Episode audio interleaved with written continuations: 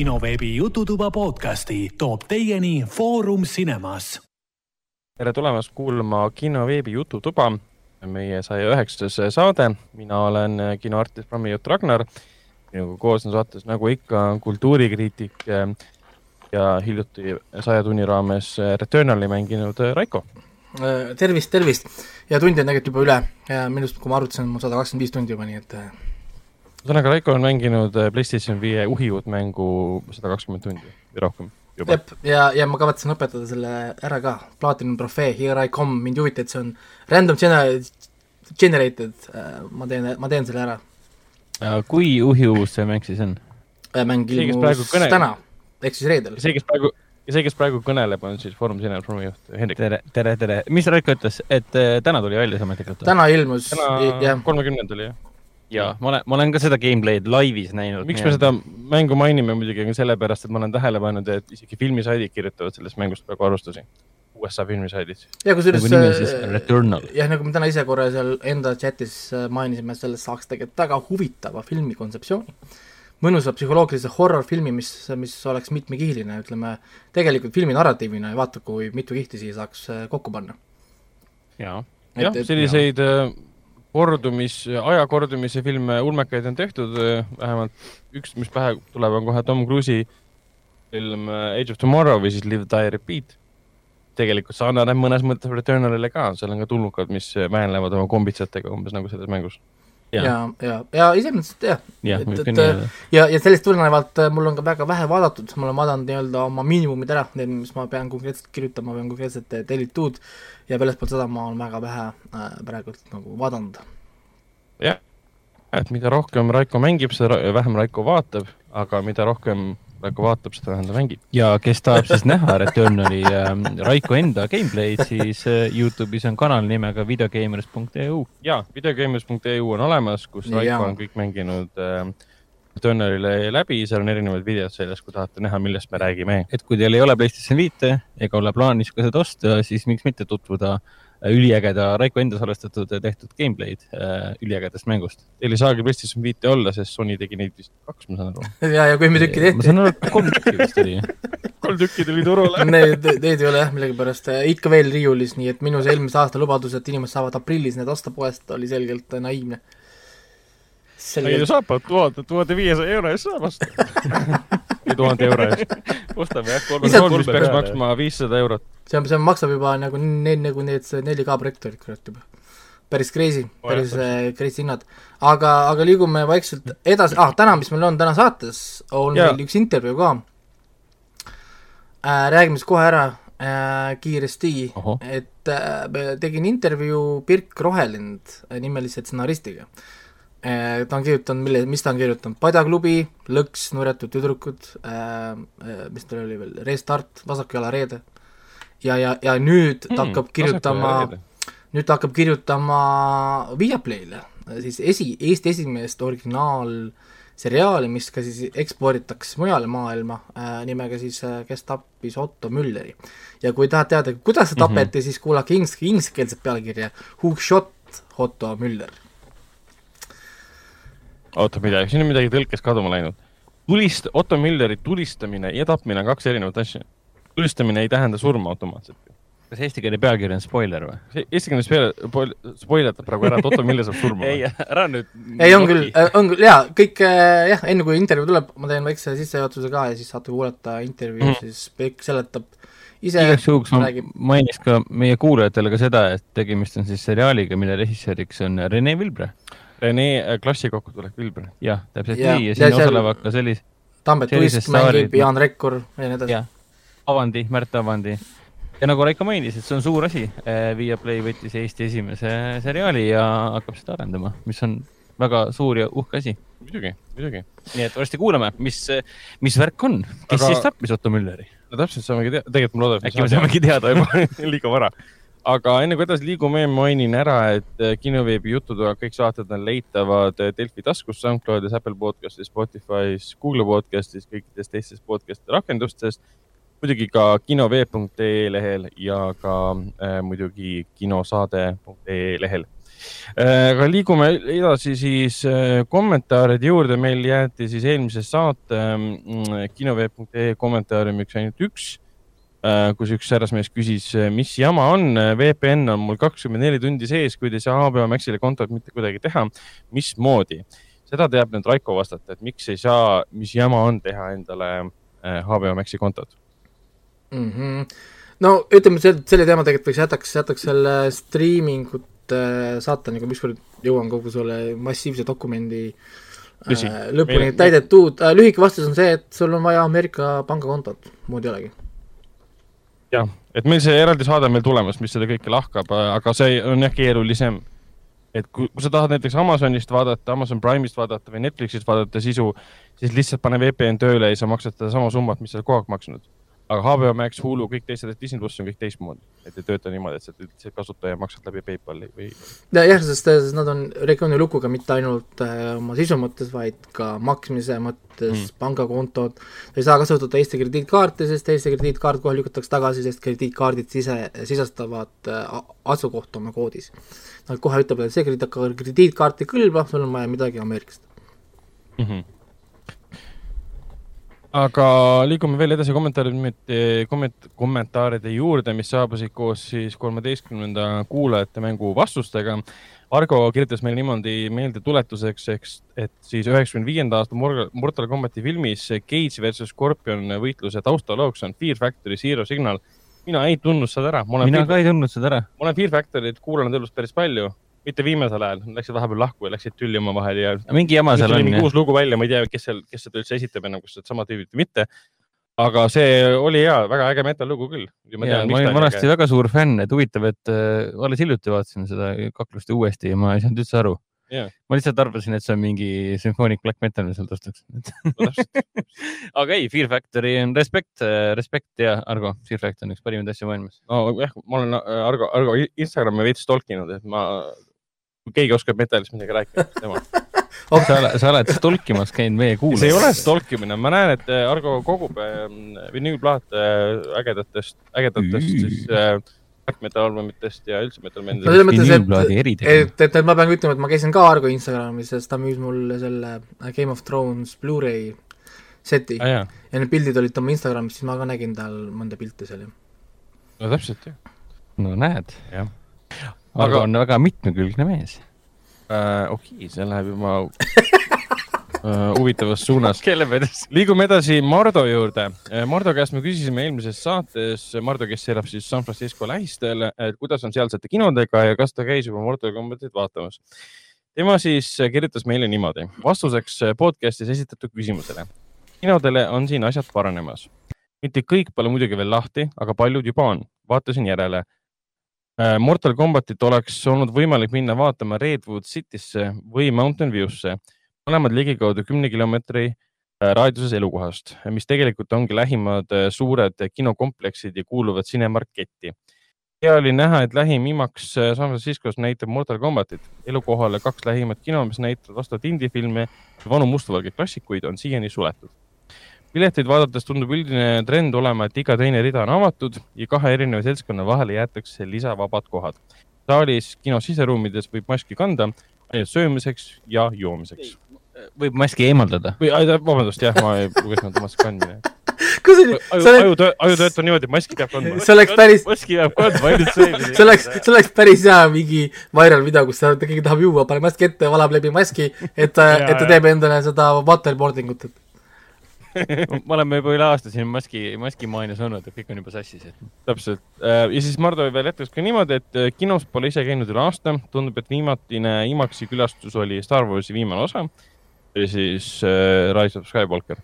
jah ja., ma, ma, jah, lähme edasi. okei okay., viimane film suurelt ekraanilt oli Seltsimees laps, mis on väga äge, mida siinne ülikooli raamatukogu eestlasest kuraatori eestvedamisel näitas.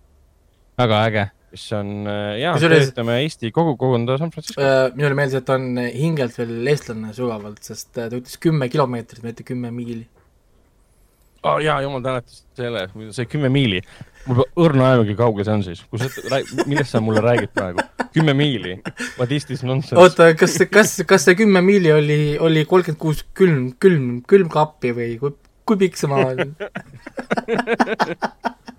aga aitäh, Mardu, väga pika ja, ja põhjaliku äh, vastuse eest. Ja, ja ikka äge, äge, et te ikka saate seal kohalikud, kohaliku, tähendab meie kohalikku kino vaadata ka. suurepärane film muidugi, Seltsimees laps. on, ma nutsin selle ajal natukene.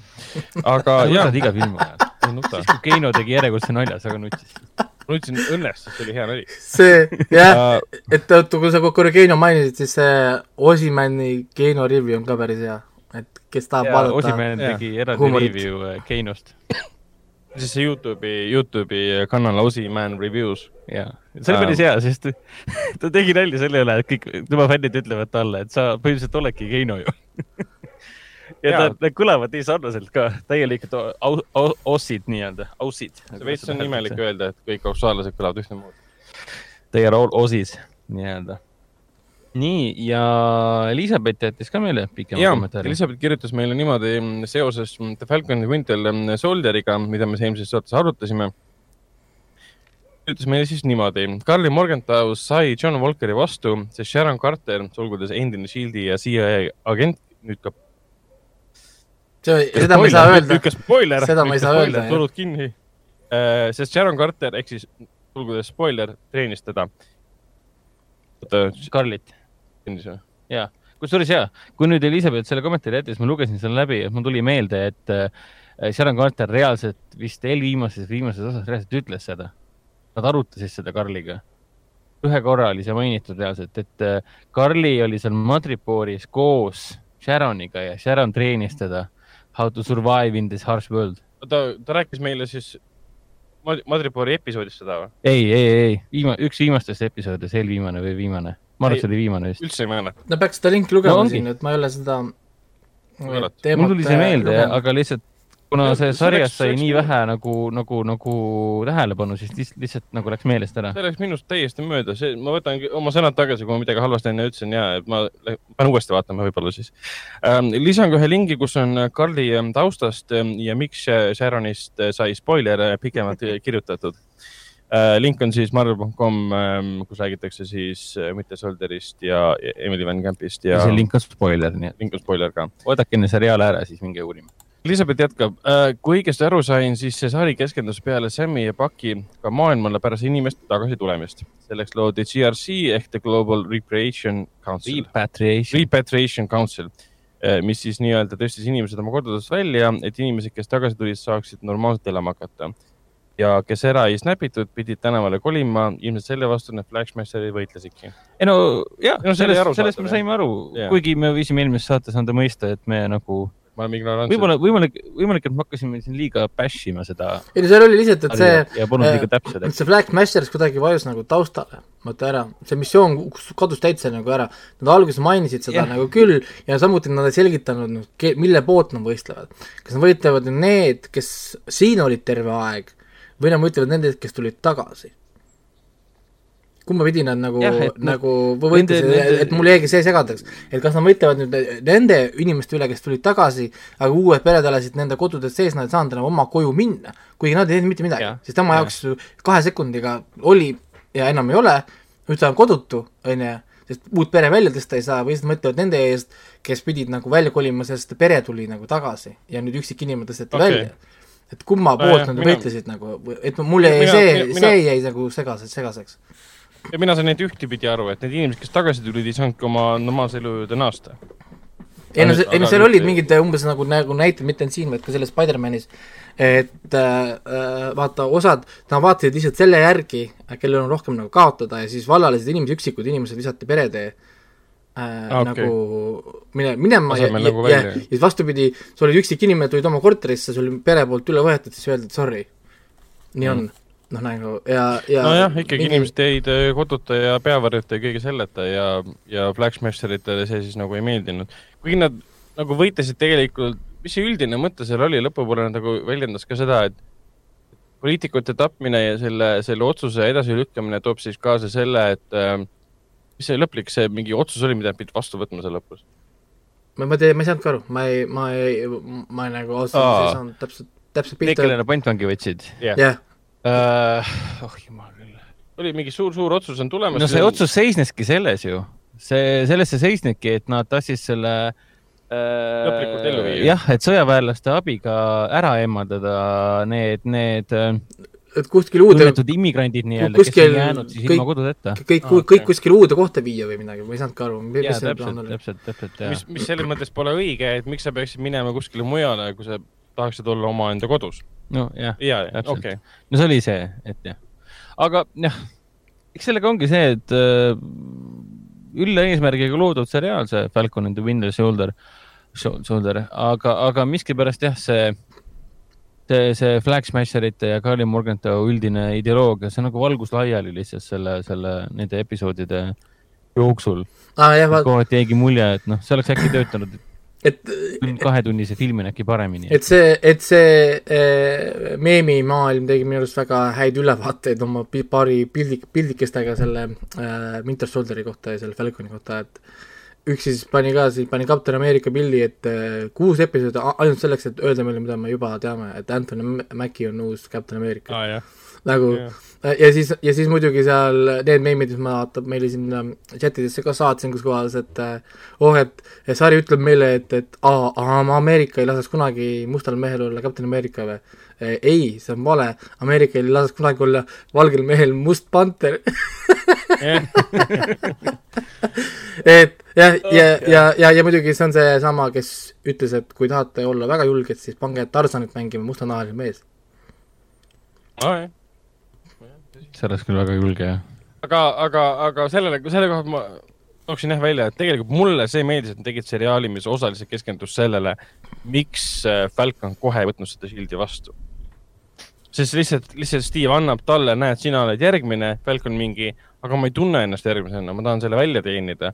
Ja selle seriaali jooksul ta teenis tege, tegelikult selle välja. ja, ja, niimoodi, et keegi annab, sina oled. ja, ja siis ta treenis ennast nii, nii kõvaks, et ta sai kukkuva hei, helikopteri ära suunata. ärme, ärme unusta siis ära, et ta on tavaline inimene, tal ei ole mingeid erilisi võimeid. ja, ja samuti pole meil selgitanud kordagi, kuidas ta neid tiivu kontrollib, mis tal seljas on ei noh, ära oma teadusega neid asju siin rikkuma hakka no,. see on siiski, siiski samamoodi saaks, samamoodi saaks küsida, et kuidas üldse raudne tehnoloogia töötab, et no Ironmanil on ju see ju, Jarvis, ta ütleb kõike Jarvisele ja Jarvis teeb, maagia oh,. jah, noh, Thor on samamoodi nagu jumal um,. ei noh, ta on jumal. Eh, mingi haamer, kus on elekter sa ei ole jumala definitsioon tegelikult. ta on surematu. sa ei ole kõikvõimas, sa ei ole mingi omnipotent. jaa, ei, aga ta on surematu. kuna ta on surematu, siis ta on jumal järelikult, sest ma ei tea. okei okay. okei okay,, aga liigume edasi kommentaaridega. Merit ütles meile ka kommentaari seoses eelmise siis, eelmise saate tema vastusega äh, kus me ühte vastust ei lugenud, sest ta mõtles õiget asja, aga oli valesti kirjutanud no,. mina, True Crimes. mina ei tea seda, mida ta mõtleb, ma näen seda, mida ta kirjutab no täpselt. ja, ja siis ta kirjutas mulle niimoodi, et kuna ma eelmine nädal kirjutasin ühe sarja nime valesti, kuigi teadsin õigest, õigest, õiget vastust äh, seoses siis ähm, seriaaliga True Detective, panen seekord näitlejate nimed juurde, et kui ma eksin sarja nimega, siis vähemalt näitlejad näitavad ära, kas õigesti, mõtlesin õiget asja vahet pole, kas arvestate, kui mina saan näidata, et mul on õigus, ütlesin loo ära. okay,, see on tegelikult hea. see on oluline asi Meriti jaoks, et tal on õigus teda ei huvita auhinnad, teda ei huvita midagi muud, vaid see, et tal on õigus no selles mõttes, et äh, võitlus konkurentsis oleva inimese suhtes, see on aus. kui ta jätab sulgudesse, et ta teab, millega on tegu, aga paneb nime valesti, siis on see tegelikult, me saame aru, mida ta mõtles seal. samas True Crimes oli see, mis ta pakkus, jah? jah, aga nimeline seriaal on täitsa olemas. see on olemas jaa, seda ma, seda ma ütlesin talle ka, et see on olemas, see on vale vastus, sorry, nii on lihtsalt. et tuleb, tuleb be better, kas te ei ole mänginud God of War'i või? Don't be sorry, be better üks, üks asi, mida ma, mida ma hakkan Henriku tulevasele pojale korduvalt ütlema Nonii, aga läheme edasi. Äh... viimane kommentaar, Villu jättis meile siukse huvitava küsimuse, et mis on saatejuhtide top äh, peksufilmid. Raiko, mis on sinu lemmik? no mul on klassika, peaaegu ikka, Raidid, kõik on üle, üle prahi, kõik äh, The Protector äh,, Ong Bak seeria, Ip Man seeria, issand, vanad äh, need Hiina äh, Wirefu filmid ah, jõhkrad, jõhkrad, ilusad omad. Jackie Chan'i Drunken Master, kui te tahate näha, kui hästi võivad osata inimesed teha võitluskoreograafiat, Jackie Chan'i Drunken Master. see on täiesti crazy, kui, kui osavad inimesed seal on. ja siis vaatad näiteks seda täna seda moodsat Mortal Combatit, sa näed, kuidas inimesed on nagu füüsiliselt hästi nagu osavad aga nende löökides ei ole seda jõudu või neil ei ole seda nagu, nagu, nagu seda noh, sa näed, et neil pole seda nagu oskust, et see on nagu õpitud liigutus, mis ei ole nende oma. ja siis sa vaatad seda Drunken Masterit, kus kohas mingi suvaline vend paneb jalaga, see on nii sirge löök, tunned seal seda kiirust ja seda nagu seda ohtu seal taga, et oi, kui see läheks pihta kellelegi noh, nagu mm. -hmm. et, et need on nagu no, need peng... omad ja siis muidugi see, kusjuures, mis me hiljuti siin vaatasime, see PKO, see Bangkok Knockdown või see mm -hmm. Knockout vist oli jah, või Bangkok Knockout, väga jõhker tõsiselt, skipige esimesed mingi pool tundi, kui nad räägivad või proovivad näidelda, see visake kõik minema, hüpake, hüppage kohe sinna, kus hakkab kaksus pihta. Ja ma garanteerin, te näete asju, mida te pole varem, varem näinud, seal on nii palju neid vau-momente ja tihti ma seal ilmselt mõtlesin, issand, kas see kaskadöör praegu päriselt saigi jalaga näkku. Ja vaesekene see kaskadöör pidigi kukkuma sealt lifti šahtist ju sinna alla. Ju. vaesekesed nagu noh, et, et ja siis seal lõpus, kui need kõik hiinabidega ja kandraamidega ära viidi, siis ma just ütlesin, näed, õnneks, et seda filmi nad ei pidanudki ju, seda osa nad ei pidanud filmima, vaid see ongi päriselt nagu tehtud, sest kõik, kõik kaskadöörid viidi sealt niimoodi minema sealt võtta platsi filmiti, kuidas kiiremini tuleb kohale aga jaa, ei, sul on head, head vastused. Hendrik, mis, mis, mis sina kostad? ma alustaks ka muidugi kõik, mis Raiko rääkis, see on, vastab tõele, puhas kuld ja kaasa arvatud siis The Raidi puhul, et ma mäletan, et The Raid kahe kohta ikkagi siin pandi puid alla, et ei ole nii hea kui esimene, aga. ah, mingu, mingu seenele, kuule ega, ega siis teine osa ei pea lihtsalt see olema, et me valime uue pika maja, kuhu minna ja iga korruse kaupa hakata üksteist näkku peksma. mille poolest see pidi siis halvem olema? sest ta läks liiga ristiseks ära ja ta ei ole enam nii kitsas ja nii kontsentreeritud ja nii edasi. ja esimese filmi plott oli küll hästi tihe ja no. suht jah. aga treid särab hoopis teistel põhjustel. mitte keegi ei vaadanud esimest treidi sisu pärast. Vau, narratiiv juurde..., sellel oli mingi kolm, kolmelehene skripti no, no jah, suht... sina peksad sinna siis me läheme iga, iga, iga korruse kohta oli üks lehekülg. kuhu poole minna ja peksta uh,. ma mainiks siia juurde ka Matrixi seeria, mis sõltumata sellest, et ta ei ole küll nagu, nagu päris niisugune lihaseline mõnus näkupeksu ja niisugune kubemepeksu film nii-öelda. Aga Matrix ikkagi näitas, näitas eeskuju, kuidas seda uh, idamaist võitluskunsti Hollywoodis teha seal on piisavalt, piisavalt palju ja... häid, häid asju ja Keanu Reaves, ega sealt, sealt hakkaski tulema see ju. Äh, sealt hiljem läkski, ta tegi ka puhta peksufilmi ju, ta tegi selle ah, see äh, Tai Chi jah, Man of Tai Chi. see oli tema lavastatud. jaa, ise lavastas selle, jah. Pole seda näinud muidugi. ta on nii veider mees mõnikord uh,. rääkides John, rääkides Keanu Reavesist, siis ma mainiksin ka John Wicki juurde. olgu, et see on rohkem nagu tulistamisfilm, aga seal ta muidugi niisugust äh, lähivõitlust teeb ka päris palju ja ta on... teeb seda väga toredalt. see oli vi viimases ju. mis koos tulistamisega. kuule, viimases ta ju terve pikk lõpu kaklus on ta ju nende ja, sama ja. reedi näitlejate uh, vastu ju.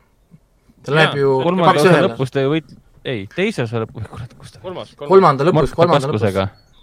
Jah, kolmanda osa lõpus, kolm filmi on olnud. Mark Dacascosega kakles seal ja pluss siis see äh....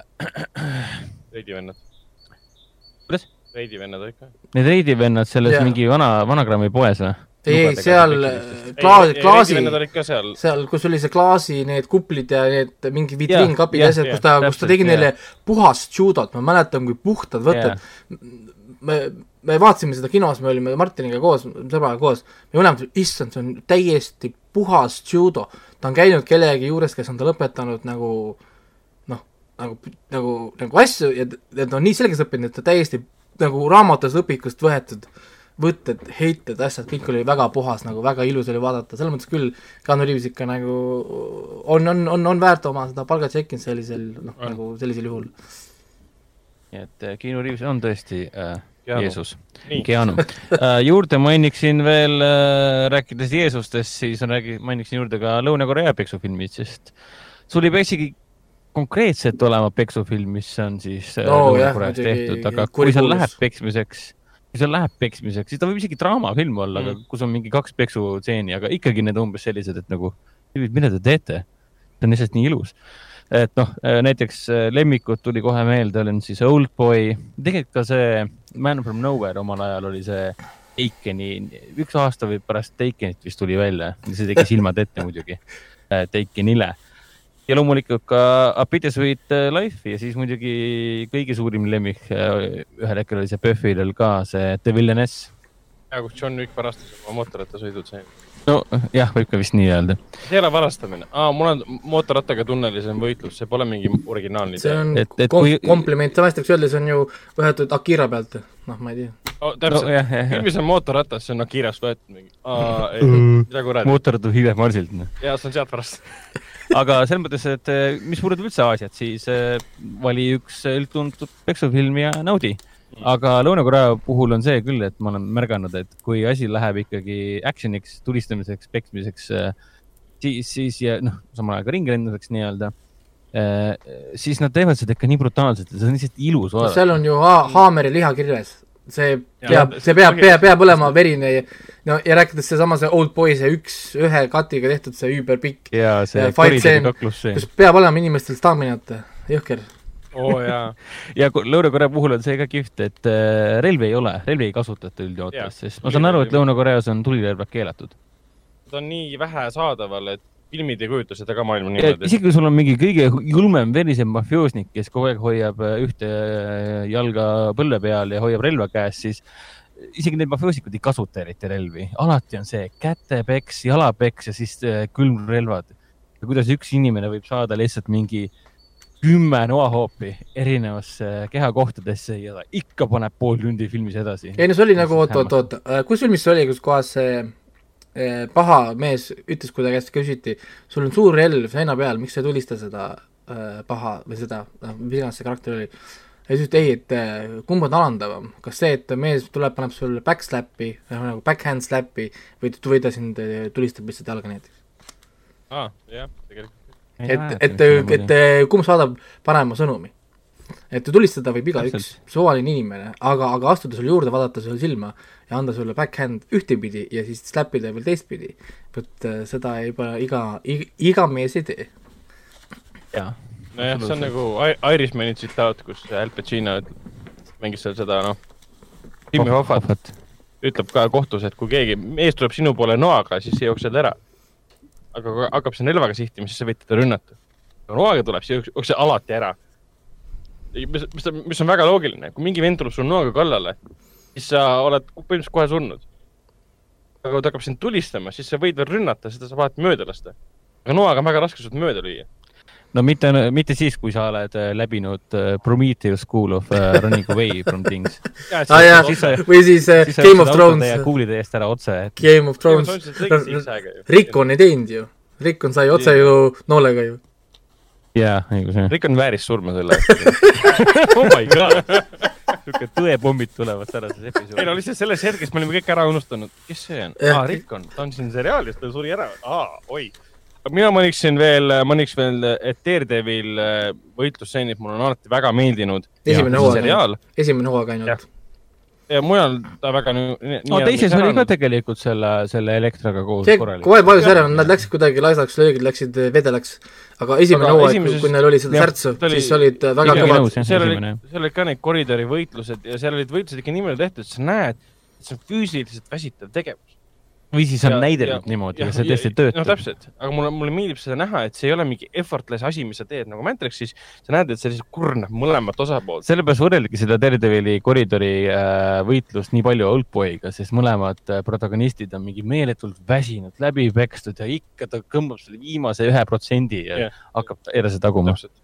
Ja, ja, ja sa vaatad viim... Äh, Volkerit, Texase kolla, kollervalvur kõik saavad jalaga näkku ja tal on tek-, teksapöksid alati puhtad ja, ja kõik on paigas. tal oli see kolmsada kuuskümmend kraadi, see kõuelöök nii-öelda. see roundhouse kick. Roundhouse kick. nagu mul ema, ema, ema varas, kui väiksed olime, vaatasime Walkerit ja siis ema alati tuli ja vaatas, et miks te vaatate mingit imelikku, mingit peksufilmi, kuidas mingi kõuemürin käib, kui inimesi näkku pekstakse konstantselt jalaga? Mingi jalaga näkku peksmise asjad kogu aeg vaatad. kuule, ära räägi, sa tekitad kohe isu, kurat, tahaks jälle vaadata aga ma viimase asjana mainiksin ära siukse kla elava klassiku või noh, lihtsalt klassikalise filmi nagu Kung Fu Hustle. Äh, aastast, aastast kaks tuhat neli. Eks siin see võitlus on rohkem selline CG wirework võitlus ja hästi palju efekte on sisse pandud. aga kui te seda filmi kunagi pole näinud, siis see on kõige jaburam versioon sellisest kung fu võitlusest. no see on paroodia. Kung Fu paroodia yeah.. Kung Fu paroodia on ta niikuinii ametlikult on ta martial arts action comedy gangster movie Steven, Steven Chow poolt. Aga siin on võitlused, mida, mida pole minu silm varem enne polnud näinud ja pärast seda ma pole ka väga näinud. on küll, ei ta on, ta on. lehmatseen või? ei, ei, see oli Kung, kung Pao. Kung Paos. Kung Paos. aa, okei. et Kung Fu West on geniaalne, see pidi kunagi järgi tulema, aga ei ole kunagi vist tulnud. ja, ja, ja nad tegid selle. Nad tegid kommentaarid äh, läbi. Nad tegid selle Shaolin Jokeri tegid aa ah, jaa, Shaolin Soccer oli ka ja, ja, ja, ja. aga selleks said meie kommentaarid, kommentaarid läbi, liigume edasi siis kolmeteistkümnenda kuulajate, kuulajate mängu siis eh, vastuste juurde kõigepealt, et kes ah, sai vastused... võidud ja, ja, ja palju meil mängijaid oli ja. jah, äh, selge, selge, täitsa õige äh,. nii, ma kohe võtan kiiresti lahti, nii, siit äh,. õiged vastused siis olid äh,, esimene oli House of Cards muidugi äh,, Netflixi mm -hmm. esimene suur algoritmi poolt äh, genereeritud hitt uh,. How I... Uh, Kevin Spacey. Kevin Spacey jaa, eks ta tuleb tagasi mingi hetk võib-olla. Uh, How I Met Your Mother uh,, millel tuleb järg How I Met Your Father Hilary Duffy'ga. Uh,, Knight Rider muidugi. Uh,, One Punch Man oli siis number neli, see ilus intro, kes tahab vaadata head animet, mis näitab, kuidas tuleks kirjutada seriaali, kus peategelane on võitmatu, ehk siis Superman. Yeah.. Supermani kirjutajad võiks vaadata seda rohkem. Äh, loogiline, kõige loogilisem versioon sellest. Äh, viies äh, Pretty Little Liars, kuues Roswell, mis on remake, millest me ei räägi, ja seitsmes Mortal Combat, ehk siis Mortal see, Combat. see Tehnopopp, kusjuures kellel on aega guugeldada huvitavat artiklit, Kotaku vist tegi või, või ühesõnaga üks nendest videomängu rahvusvahelistest saitidest tegi intervjuu selle mehega, kes karjus Mortal Combat Äh, mis siis ah, linastas üheksakümmend kaks aastal vist oli ühes äh, Mortal Combati telereklaamis, mis siis reklaamis uut arcade-mängu ja ja, ja ta räägib seda protsessi, kuidas ta siis sattus sellele auditionile, kuidas ta karjus, kuidas ta sai raha ja kuidas sellest on hiljem kujunenud mingi väga veider asi, mida kasutatakse filmides, tehnopoppides, asjades, igal pool, tema, tema seda karjatus, kus ta karjub Mortal Combat, et see on kihvt intervjuu ja nii pisikesest, väiksest random asjast äh,, kuidas võib kasvada nagu asi see on nii äge, et su hääl on jäänud lihtsalt niivõrd legendaarseks ja ikooniliseks, et seda ei hakata isegi ümber salvestama, lihtsalt jäetakse just nimelt see. sa tunned selle ära lihtsalt kohe. ei saa korrata enam. ja ei no see on sama nagu see Ed Boon'i enda hääl Get over here. et mm, et yeah. see, see, see ei kao, see ei kao kunagi nagu ära, noh, see jääb nagu äh, igavesti. kusjuures ma mainiks, et äh, Argo vastus Mortal Combatile on väga andekas, sest ta pani siia neli hüüumärki lõppu ka okay.. et oleks teada ikkagi, et Mortal Combat. ei no see oli, et see, see oli see rõõm, et ta tundis selle ära, vaata, et oleks umbes, et ta nagu pool tundi mõtles ja siis äkki tuli Mortal Combatist tuli, pani kirsti kohe. ma usun, et äh, Arno pigem pani selle inertsi najal, et kui sa mõtled Hype, ja tahad öelda muusika... Mortal Combat, siis sa ikkagi mõtled seda selle mehe karjumisega. jaa, muusika, muusika ja hype tõmbas, äh, tõmbas käima. ja võitjaks osutus siis Loosi tahtel Merit äh,, Meritile ka teine võit seekord juba liitub siis selle kahe võitja klubiga, kus on vist juba Mar-, Mar-, Mardo ja Villu või? kas, ja Mairi ka või? ehk siis meil on juba need topeltvõitjad siin juba, mõned on juba ees. ja, ja meil on äh, kindel grupp inimesi jäänud osalema ja varsti on juba kõik äh, kahe no, jah, need, need teised, kes äh, kohe võitma hakanud või, või ei saanud, andsid alla. aga, aga muud, muud moodi hakka võitma, sa mängid, sa vaatad, sa oled fänn ja sa teadmiseid, see käib kõik asja juurde, ja, ja nagu, nagu see Ogman Dingo ütleb oma selles raamatus, see Greatest Salesman of all time või mis tal on see äh,, kus ta ütleb ka, et, et iga kaotus on ju samm lähemale järgmisele võidule. Mm.. nii äh,, hakkame ka kuulama järgmist äh, saadet. Siis kuulajate mäng? Neliteist. neliteist jah, me vaatame numbrit. nii, järgmine kuulajate number neliteist ja paneme kohe esimese peale You are being watched. The government has a secret system, a machine that spies on you every hour of every day. I know because I built it. I designed the machine to detect acts of terror, but it sees everything.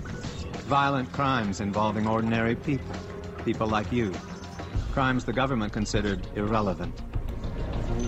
They wouldn't act, so I decided I would. But I needed a partner someone with the skills to intervene. Hunted by the authorities. We work in secret. You'll never find us. But victim or perpetrator, if your number's up, we'll find you.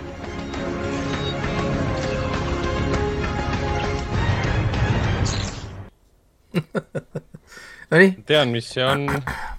tule, ole küss. jah, äh, jah, liigume kohe edasi number kahe juurde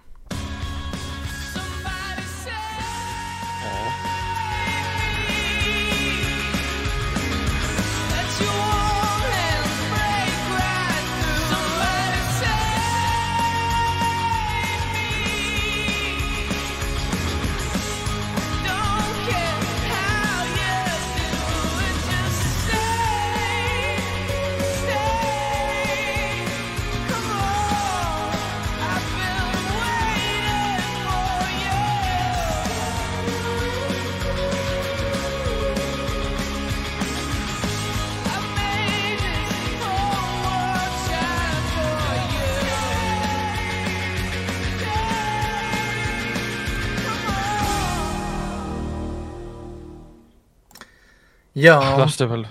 no mõnus nostalgia küll. ja number kolm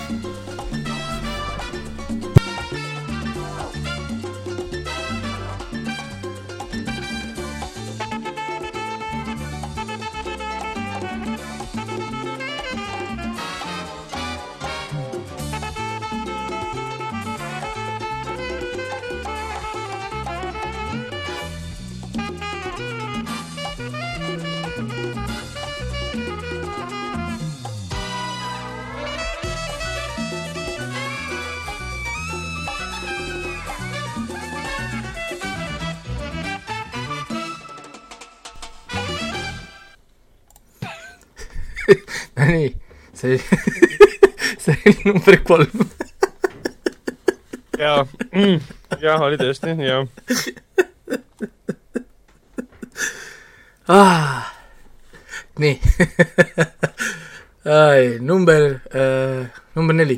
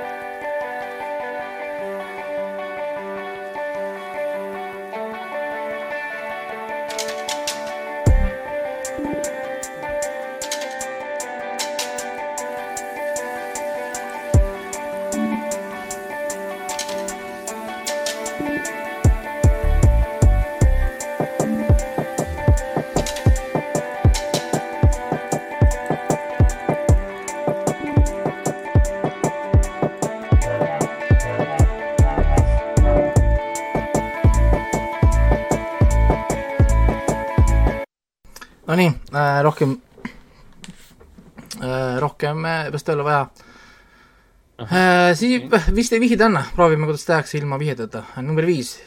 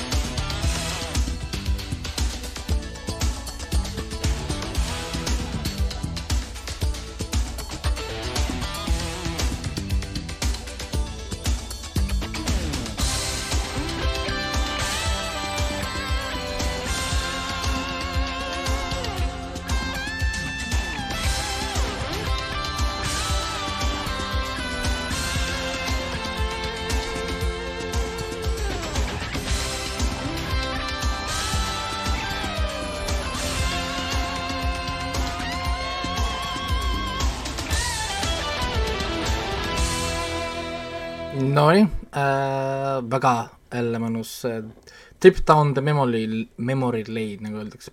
liigume edasi number äh, kuue juurde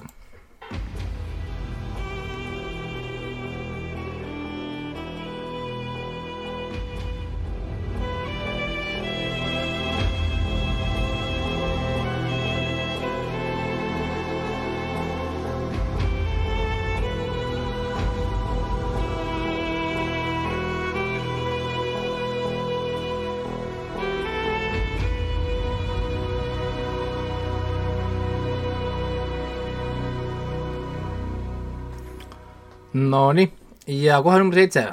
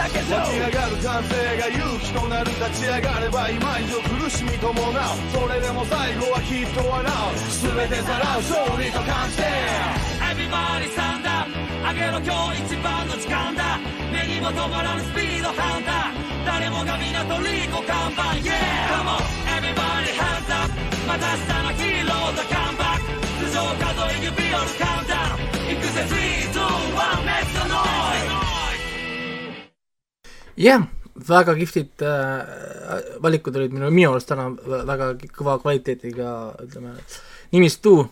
kindlasti leiate midagi ka, mida vaadata, kui suudate välja mõelda, millega on tegemist, aga liigume edasi siis äh, oota, aga mainime ära ka, millal me ah, ootame muidugi, kuues, äh, kuues mai, kuus õhtul circa. jah, kuues mai kell kuus äh, info, et kinosaade.ee. täpselt nii sealt saame kätte ja, ja kontrollime ja kui teete valesti, siis naerame hästi kõvasti ei, seda ma ei tee kindlasti muidu lähevad need vähesed inimesed ka minema ei, ma, ma juba, ma ootan viis kuulajat, kes meil on. ma ootan juba seda äh, saadet, kus ma jälle äh, saan võidu, nii et keegi ei osta kõik õigesti.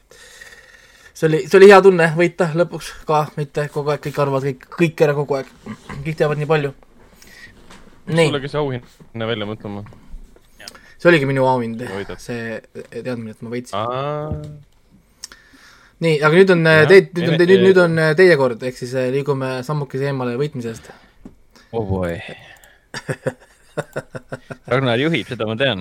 Ragnar juhib ühe punktiga, jaa. sul on täiesti õigus selles mõttes, aga hakkame pihta. kes ees, see mees ja läheb peale seksi linn või? ei ole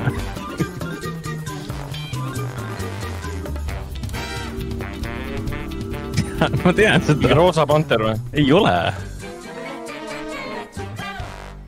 ei ole seksi linn või? ei, ei kurat, ma tean seda ma tean seda väga hästi, kusjuures ei tule praegu meelde, mis see on lihtsalt. hästi tuttav viis ja, ja me oleme seda. või on need tuttavad muusikaristad pigem äh,? ma võin te... äh,. ei, ei. kas ma annan vihje või te proovite veel pakkuda? see on väga tuntud asi, see on väga tuntud asi. mingi komöödiaseriaal, ah, ma ei tohi välja öelda neid asju. Golden Girls või? ei ole. Golden Girls. nii äh,, ma pakun vihje teile oh,. Uh, the, the world's greatest actor South Park'i tegijate järgi. Nicolas Cage'i mingi seriaal või? ei tea Nicolas Cage on maailma parim näitleja, jaa. South, see on siis South Park'i või? South Park'i järgi maailma parim näitleja. South Park'i tegijate järgi World's Greatest Aa. Actor. aa. mingi. Tom Cruise või? oota, see on film või seriaal? me räägime seriaalist ikka, jah? see on seriaal muidugi. seriaal. South Park'i põhjal Tuppagi, Dave Parker ja Matt Stone leiavad, et see näitleja on siis maailma parim näitleja. järelikult on okei okay. Um, see on kui piinlik see on, ma tean seda, see on mu keele olgu, peal. olgu, äh, ei saa kätte, vastus on äh, Dirt, Dirty Rock. aga mine. mina pole Dirty Rocki näinud, sina oled seda näinud. ma olen, fuck oli jah ma olen näinud Dirty Rocki, see on üks lemmikumaid seriaale üldse mul, ma olen just Alec, Alec Baldwin. läbi vaadata ka ja Tina Fey ja siis see, see mustanahaline näitleja, kelle nime Tracy Morgan. Aa, see. Tracy Morgan jaa, täiesti geniaalne sari, see on täiesti yeah. kriisi hea. ja Alec Baldwin ah, oli wow, filmis Team America kui maailma parim näitleja, kes suutis näidelda ennast igalt poolt välja. ja, ja, ja siis tal oli filmis ka Matt Damon, kes tegi Matt Damon Matt Damon piinlik, seda ma küll endale ei tea. see peaks olema tõesti piinlik sina oleksid pidanud seda teadma. aga olgu äh,, liigume edasi number, number kahe juurde.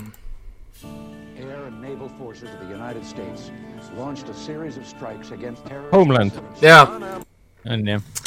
on küll. juhuu, see her. ise pole Dirty Rocki näinud. kuus seki läks aega, et ära öelda Homeland, nojah.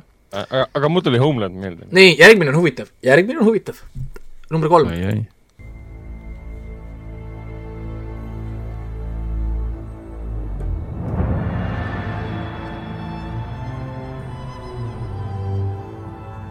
Mingi Seven Bone või?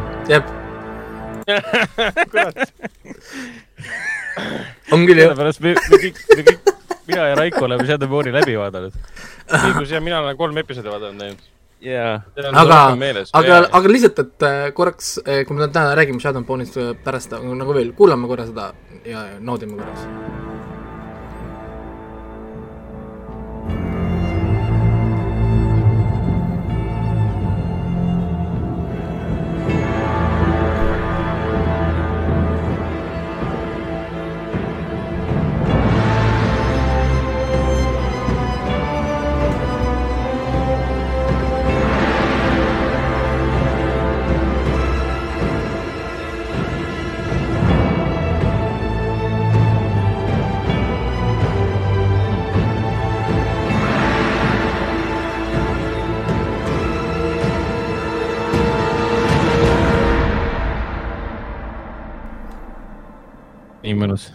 jah, ja, ja, ja kusjuures äh, ma võtsin selle äh, siis ühest pikimast Youtube'i videost, kus kohas äh, helilooja, kes tegi siis äh, muusikat sellele äh, sarjale, Erik, mis on Heiserer. Mm, -hmm. äh, lasi seda esimest korda siis raamatute autorile Lee Bardugole. ja kui tahate näha siis äh, Lee Bardugo seda reaktsiooni, siis otsige see video üles Youtube'ist ja vaadake et see oli siis nende Zoomi kõne, kõne käigus või kuskil. eeldan, et talle väga meeldis see, mis ta kuulis. jah, ta ütles, et see läks kokku täpselt äh, niisuguse asjaga, mida tema ette kujutas ja selle nimi on siis Krisha Team. nii äh,, number neli.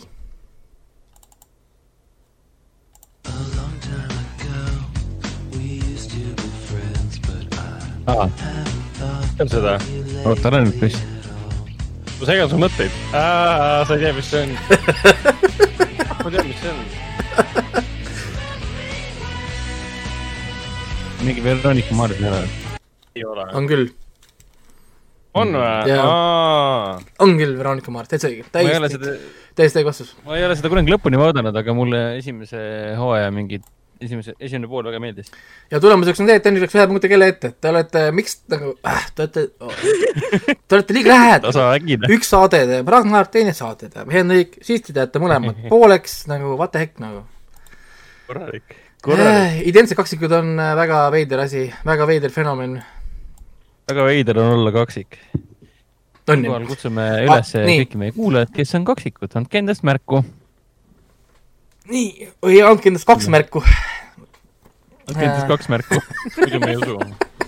selline huumor et, et, et sellist originaalset äh, huumorit leiab ainult siit äh, meie saatest siis. aga, aga jah, nüüd liiguks edasi Pirk Rohelend intervjuu juurde. ma tegin siis temaga intervjuu selle nädala alguses. Ja me keskendusime, või noh, üldse peale selle, et et me rääkisime ka siis sellest, kes tapis Otto Mülleri, ma lihtsalt tundsin huvi ka natuke tema enda kohta, sest mina tean temast väga vähe, internet teab temast väga vähe, ta tuleb välja, et väga hästi peidab ennast, tal on väga niisugune anonüümne eluviis, mis on väga veider, sest ta kirjutab nii palju tegelikult, aga väga ei leiuta, leidnud midagi, siis ma puurisin, uurisin teda ka natukene, lisaks siis äh, selle Viaplay äh, tulevasele seriaalile. Ja, ja nagu ennist mainisin, siis ta on stsenarist äh,, täna on ta siis neljakümne aastane äh,, on siis kirjutanud, loonud äh, Padjaklubi äh,, Lõks, Nurjatud tüdrukud, Restart ja siis äh, kaasautor oli ka siis Vasaku jala reede juures. Ja nüüd muidugi äh, Viaplay siis esimese Eesti originaalsarja stsenaristi autor äh,, sama, sama nime raamat ilmub juunis, aga, aga seda juba kõike siis intervjuus, ma panen siis intervjuu peale ja intervjuu kestab kakskümmend viis minutit, põhimõtteliselt minuti, minuti pealt või sekundi pealt. ja peale seda liigume siis edasi äh, tavaformaadi juurde, aga, aga nüüd ähm, äh, enne kui ma ta panen, ma igaks juhuks kontrollin, et mul on kõik asjad paigas, jep, äh, panen Hendriku ja Ragnari mute'i peale, et nad ei seletaks siin liiga palju intervjuu ajal. ja paneme siis peale.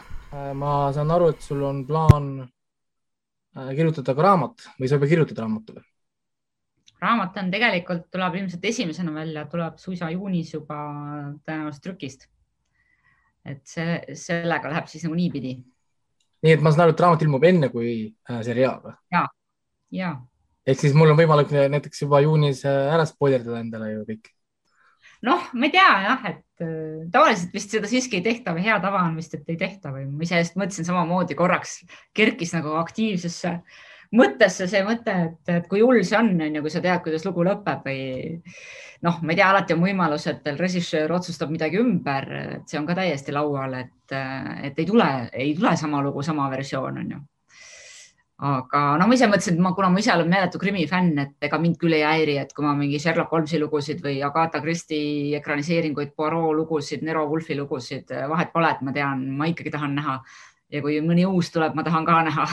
Et, et lihtsalt äh, kuidagi, see on kuidagi teistmoodi jah, et äh, ja ise noh, Harry Potter samamoodi, et ma arvan, et väga suur seda esialgset kinopublikut oli ka see osa inimesi, kes olid raamatut juba lugenud ja noh, et mingid asjad on kindlasti erinevalt lahendatud, et ma võin öelda, et suurim erinevus äh, tuleb juba see, et äh, sarja puhul äh, tuleb niisugust noaarvõtit juurde ja tegevus toimub ilmselt sügisel. ja, ja romaan tegelikult on suvi et siis täitsa mõned, mõned nüansid tuleb täiesti uuesti lahendada. aga kas see muidu originaalis see tegevuskoht ongi Eesti või? jah, puhas Eesti lugu jah okay. minu niisugune, niisugune esimene küsimus või noh, mõte kui oli, et, et kuidas, kuidas see lugu Viaplay kätte jõudis? no jõudis niimoodi, et, et tegelikult kõigepealt me käisime PÖFFis, PÖFFi seal Scriptpoolis selle pitch imas nii-öelda rahvusvahelisele seltskonnale ja juba sealt tuli päris palju kontakte juba päris lähedale, ma ei tea, kas Viaplay sinna jõudis, see oli siis eelmisel aastal sügisel ja nüüd kevadel käisime Göteborgi sellel festivalil samamoodi pitch imas seda lugu siis rahvusvahelistele kontaktidele ja jõudsime sealtkaudu siis Viaplayni välja, et tegelikult seda pitch imise kontaktide poolt rohkem ajaski see produktsioonifirma. mina siis tegelesin looga kui kaua, ütleme, see protsess muidu niimoodi aega võttis, siis mingi pool aastat või, või kaua, kaua umbes selline protsess võib aega võtta, et kui sul on idee ja lugu olemas ja siis keegi lõpuks tunneb huvi? Äh, võib-olla isegi see pool aastat on võib-olla isegi päris hea ajaraam jah, et äh, võib-olla suur vahe oli selles, et et kuna me tegelikult Kuubaga omavahel alustasime seda aktiivset suhtlust juba aasta tagasi põhimõtteliselt idee oli juba natuke enne seda, aga aasta aega tagasi ta oli sellise vormi ja kuju omandanud äh, ja, ja kindlasti oli boonus see, et ma jõudsin teha need stsenaariumid valmis, et ei pidanud ostma põrsast kotist, tavaliselt stsenaariumite puhul müüakse ära esimene episood ja sarja piibel. et meie puhul oli kindlasti see eelis, et oli võimalik juba lugeda. et sul on kõik ära. valmis, kuni hooaja lõpuni valmis? Ja, aga no nüüd tuleb loomulikult Rene Vilbre mängu ja siis me hakkame kõike ümber tegema ja, ja, aga ah, selles mõttes, et eh, kui sa esimese hooaja valmis kirjutasid, kas sa kirjutasid ta nii, et on nagu lõplik lugu, nii et ta lõpeb nagu ära või siin on potentsiaali ka, ütleme, teise, teine hooaeg või järg? siin on niimoodi tegelikult, et äh, mul on äh, juba plaan täiesti nende samade uurijatega jätkata, aga et äh, teises hooajas tuleb Aa, teine lugu. selge. Et no mul endal on meeldinud näiteks True Detective ja Sinner ja kohe ütlen no, siis see Haunting of Hill House ja Bly Manor, eks ole. no jah, siis. meeldivad sellised, seda tüüpi jutustamised kusjuures ma vaatasin see, ma, ma arvan, muidu mitte mina, kõik nägid seda kui sünopsise järgi, et see on ju puhas Agatha Christie niisugune mingi Rex Stout mingi stiilis äh, müsteerium, mis äh, nagu karjub minu arust seda Agatha Christie, kui ma nägin seda posterit ka, mul tuli millegipärast meelde see Murder on the Orient Express ja mm -hmm et.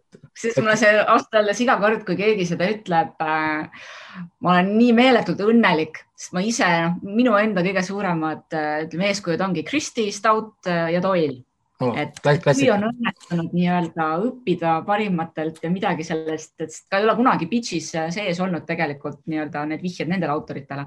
aga jumala eest, ma olen üritanud õppida nii palju kui võimalik ja mulle meeldib, mulle meeldib, ma just mõtlesin ka selle peale, et, et ütleme, see tänapäeva crime kohati, noh, alati võib-olla sama olnud, aga kohati kipub minema õudselt julmaks, et on sellised mõrvad, et ikka mitte noh, nii-öelda ei löö kirvega, vaid ikkagi raiub pooleks, siis tassib need tükid laiali, paneb uuesti kokku. Ja, ja, ja tegelikult mulle endale meeldib rohkem niisugune psühholoogiline crime, et kus on rohkem seda nii-öelda müsteeriumit ja mõtlemist ja et see see, see, ütleme, mõrv ise ei peagi olema nii brutaalne, kuivõrd äh, ta võiks olla hästi, hästi raskesti nii-öelda tabatav, et selles loos on jah, on kõikidel on võimalus, on motiiv ja on nagu vahendid. Et, et sellist teist tüüpi, teist tüüpi lähenemine, et uurijatel on äh, suur pähkel pureda. Ja kuna noh, ma ütlen, ma tõesti, ma loen, ma vaatan, ma vaatan väga palju ka doksarju krimilugudest siis ma jäin nagu eraldi mõtlenud, seal on selline, ütleme, on tehtud selline sari nagu Criminal Euroopas, mingi inglise versioon, versioon, vot nii. Ja on kasutatud seda nii-öelda ülekuulamisruumi hästi mastaapselt, et äh, mina seda nii palju ei kasuta, aga mul on ta väga tugevasti sees, sest, sest nendest doksarjadest mul jäi just see kummitama, et kui raske on tegelikult see uurija töö. sulle tuleb mingi inimene, ta räägib mingi loo ja mis su võimalused on, noh, et kui, kui tegelikult nii-öelda kõik inimesed olid ühes kohas koos relv oli nähtaval kohal ja keegi midagi üles ei tunnista, pole midagi näinud, kuidas sa lahendad tegelikult seda tüüpi lugusid, on ju, et äh, jube huvitav. ma arvan, et tegelikkuses väga paljud neist äh, jäävadki lahendamata, et, äh, et sul on, ütleme, palju lugusid lahendatakse ära, et kus mõrva nii-öelda kahtlusalune on kuidagi väga-väga lähedalt, noh, väga kompromiteeritud asjaolud näiteks, aga noh, kui, kui ongi niimoodi, et sul on palju kahtlusaluseid, nad on enam-vähem samaväärsed milleski kinni peale alata, hakata, et äh, päris, päris hull võib olla seal ülekuulamisruumis. sa ma rääkisid siin, et sul on, ütleme, planeerisid siis kirjutamisel uurijatega edasi minna. Äh, hetkel, hetkel ma sain aru, et ainult äh, äh, paigas, vähemalt ametlikult on öeldud, et on, et Otto Müllert mängib Jaan Rekkor, et mm -hmm. äh, on ka teada, kes, kes need uurijad on või kes see uurija äh,, noh, nagu näitleja on no parima teadmise järgi mees, meil on, mul on meesuurija, naisuurija paar äh, nii-öelda paradoksaalsel kombel või naljakal kombel, nende nimed on Agnes ja Gabriel. Ja Gabrieli mängib äh, Tambet Uisk. sa mainisid veel õppimist ka, et ma üritasin leida, kust, ähm, kus sul see kirjutamise isu nagu tuli, ma leidsin ainult mingi, ma ei tea, kas kellegi blogipostitus või mingi õpilase tehtud äh, veebilehekülg ah, teie, teie kohta, kus, kus oli natukene, nägin seal kirjas aga, aga see lõpetas põhimõtteliselt ära sellega, et läksite ülikooli, siis nagu sai nagu otsa. et, et no, kus siis, kus, kus see nagu kirjut, kirjutamise osa tuli? jumal küll, see on küll see klassikaline küsimus ja mul ei ole ikka veel head vastust, et äh, minu meelest, kui see sind jälitab siis see lihtsalt jälitab sind, et ma võin öelda, et ma olen korduvalt üritanud maha jätta kirjutamist, aga ei ole õnnestunud miks ma seda teen, see on nagu eraldi küsimus, aga ma alustasin klassikaliselt äh, tegelikult Äh, noorte romaanikirjanikuna. Äh, käisin paaril võistlusel, võistlustel läks hästi, äh, siis nii-öelda huvi süvenes, siis ma olen õppinud Akadeemias näitekirjutamist, etendusanalüüsi, dramatiseerimist ja olen õppinud stsenaristikat USA-s Lou Hunteri käe all ah,. Lou, oot-oot, Lou Hunter ähm,. Mm -hmm. issand, ma vist tuttav, ta vist kirjutas selle ju selle Screenwriting neli kolm neli või? Just.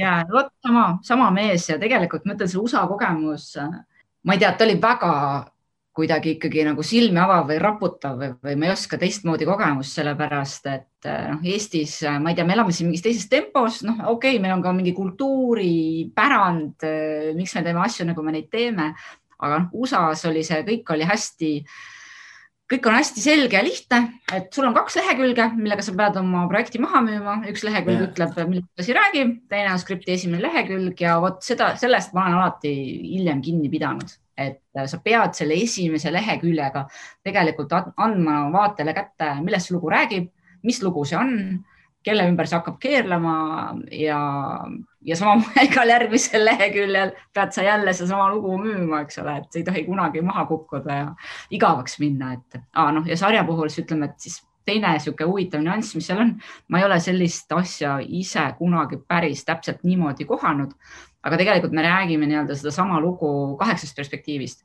Iga kahtlusalune räägib siis oma versiooni sellest loost äh, ja me kogu aeg pöörame nii-öelda sedasama, sedasama päeva läbi erinevate rakursside ja vastavalt siis sellele, kes parasjagu räägib, kõik teised karakterid ka veidi muutuvad, sest et inimestel alati nii-öelda on, on igal inimesel on kõikidest teistest inimestest mingi oma nägemus ja, ja vastavalt nii-öelda sellele nägemusele need teised karakterid ka muutuvad, et kes, kes keda nagu hindab rohkem, hindab vähem, kelle vahel on mingid tülid äh, et näitlejal tegelikult võiks olla päris mõnus mängida, aga noh, korralik, korralik selline matemaatika on seal taga. ja siis äh, mulle kohe Skott, et kaheksa episoodi vähemalt siis ju, kui igaüks saab nagu oma, igaüks saab nagu oma episoodi põhimõtteliselt. jah äh,, nii ongi jah äh,. mis ah,, ma tahtsin veel küsida selle äh, Otto Mülleri kohta just, et miks nagu äh, kuuekümne viie aastane endine, mis ta oli, maadleja või?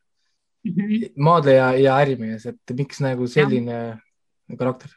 No siit hakkab nüüd pihta, et miks see lugu üldse sündis, et, et tegelikult siin paar aastat tagasi sattus meediasse kuidagi mitu skandaali korraga, et üks oli Harvey Weinsteini skandaal, siis oli meil oh. Jeffrey Epsteini skandaal, siis tuli siin kodumaiseid paar teatritegelase skandaali, et noh, mitu lugu sellisest nii-öelda vanemast edukast härrasmehest, kes, kes astub oma üle oma võimu piiride või väga kuritarvitab kuidagi seda positsiooni, mis ta on saavutanud. Ja no vot ja haakis kuidagi ära, et et, tegelikult väga ei ole seda lahatud, et minu meelest meil tänases Eestis on väga erinevad põlvkonnad, tänane selline vabariigi, vabariigi esimesed täiskasvanud, siis selline minu generatsioon, kaheksakümnendatel sündinud või veidi varem. Ja siis tõesti need Nõukogude inimesed, me kõik oleme kasvanud nagu täiesti erinevas riigis ülesse, meil on üsna erinev elufilosoofia. Ja minu meelest selline tänase kuuekümne viiese ja tänase kahekümnese maailmavaated võivad olla täiesti nagu radikaalselt vastupidised. Et kui see vanem generatsioon kuidagi ikka veel usub ja kummardab sellist hierarhilist positsiooni, et siis tänapäeva noored äh, üldiselt seda isegi ei pea nagu sageli heaks tooniks või neil on hoopis teised väärtused, nad räägivad, et ma ei tea, võiks nagu planeedi peale mõelda, et me võiksime mõelda nii eneseteostusele, et me võiksime olla tolerantsed, äh, samal ajal kui ütleme, sellised vanaisad alles, alles ma tean, minu vanemad, minu vanemad elu lõpuni maadlesid selle nii-öelda mõttega, et gei on okei. Okay et, et inimesel võib olla, võib olla teistsugune sooline sättumus, et nende pähe seda pärast seda Nõukogude ajupesu mingit sellist asja ajada oli praktiliselt võimatu. Ja mind hakkas see kohutavalt huvitama, et tegelikult see väärtuste konflikt on väga hea alus äh, igasugustele lugudele, et kus inimestel nii-öelda ongi lihtsalt täiesti erinev nägemus, kuidas asjad käivad. Ja sealt baasilt siis äh, tekib neid igapäevaelus äh, hõõrdumisi ja, ja nii-öelda nihkeid. Ja tegelikult, et kui ütleme, me räägime selle nõukogude põlvkonna puhul, me räägime sellest võitjate generatsioonist, et kes siis nii-öelda üheksakümnendatel olid oma parimas vanuses ja tulid ja tegid siin ära meie pangad ja meie firmad ja kogu selle eduloo.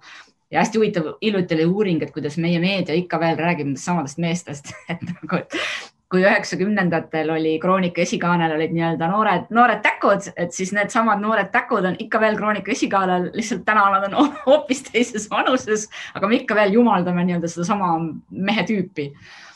ja, ja nojah, ja et ühesõnaga, et aga, aga et tänapäeval, et kas, kas me veel peaksime neid kummardama, on minu suur küsimus ka, et kas see on ikka veel okei okay et inimene, kellel on võimalus äh, raha ja võim, võib käituda kui iganes nõmedalt? Või ma võin tegelikult küsida seda küsimust, et äkki nagu selliste onuheinade nii-öelda aeg on nagu möödas, on ju, kui tahes kõrge positsioon tänapäeval minu meelest enam ei õigusta seda, et sa oled selline noh, vastikväärdes. Ja mis millal see, millal see nagu tegemisse reaalselt läheb, on see ka teada praegu või? no sügisel, et äh, vist september on umbes see võtteperiood, et, äh, et Rene Vilbre ütles, et äh, noh, temal hakkas pilt, ütleme jooksma ikkagi selles noaari võtmes, et siuksed pikad varjud ja hämarus ja no,, no, minu meelest palju häid krimilugusid ikkagi toimub südasuvel ka Agatha Christie'l. ja täpselt jälle Agatha Christie, päike paistab, linnud, linnud laulavad ja, ja, ja põõsad on tuules. eriti õudne samal ajal on ju, ma ei tea, Midsommeris on minu meelest alati suvi, vist seal ei olegi ei olegi vist talveepisoode, kogu aeg on mingi suvi ja mingi rahvapidu ja mingi lõkkekesed ja, aga siis toimub mingi erakordselt, keegi saab kivi, kivilinguga mingi kamaka endale vastu pead ja lömastub ja, ja kui te sügisel hakkate tegema, siis tõenäoliselt järgmine aasta kevadel ma pakun veebruaris, märtsis siis on siis tõenäoline aeg, sest umbes tavaliselt nii kaua nad võtavad aega. siis ei olegi tegelikult kaua enam aega oodata Äh, päris, päris mm -hmm. lähedal tegelikult juba mm. -hmm.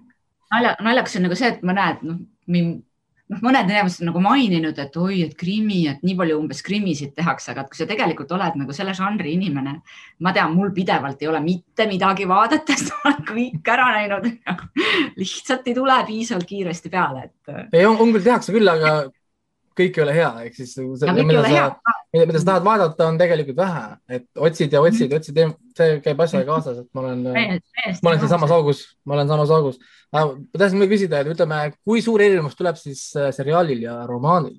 et äh, kui palju ma rohkem või vähem tean, kui ma loen näiteks raamatut? no tegelikult seda on võib-olla raske isegi ette aimata, et äh, seriaali puhul ikkagi Rene saab ju oma nii-öelda sõnaõiguse lõpuks et võimalik, et ta midagi lõigub täiesti minema, mis romaanis on olemas ja lahendab midagi hoopis teisiti, et, et eks nagu ma olen selleks ka valmis. võib kohe öelda, et on natuke rohkem neid kõrvallugusid ja ütleme seda detektiivide tausta, sellepärast et sarja puhul noh, me kõik teame, on ju suure E-tähega sõna nimega eelarve, mida romaani puhul ei ole, on ju, et sinna sa võid panna kõik sisse, mida hing ihkab, et et romaanis kindlasti maailma on rohkem ja samamoodi, et saab seda, noh, saab edasi arendada, et kuri plaan on juba olemas teise osaga ka. nii et äh, nagu ma ennem saan aru, siis Otto on nagu äh, see stereotüüpne või nagu mingi stereotüübi järgi loodud karakterina, ta ei ole ju konkreetselt ühe inimese järgi. just, et võimalikult palju täpselt neid jooni, mis siis on sellistel toksiliselt maskuliinsetel meestel. ühelt poolt nähakse teda kui Äh, see kuri Otto Müller ja siis on teised, kes näevad teda kui a la papa Otto Müller, noh.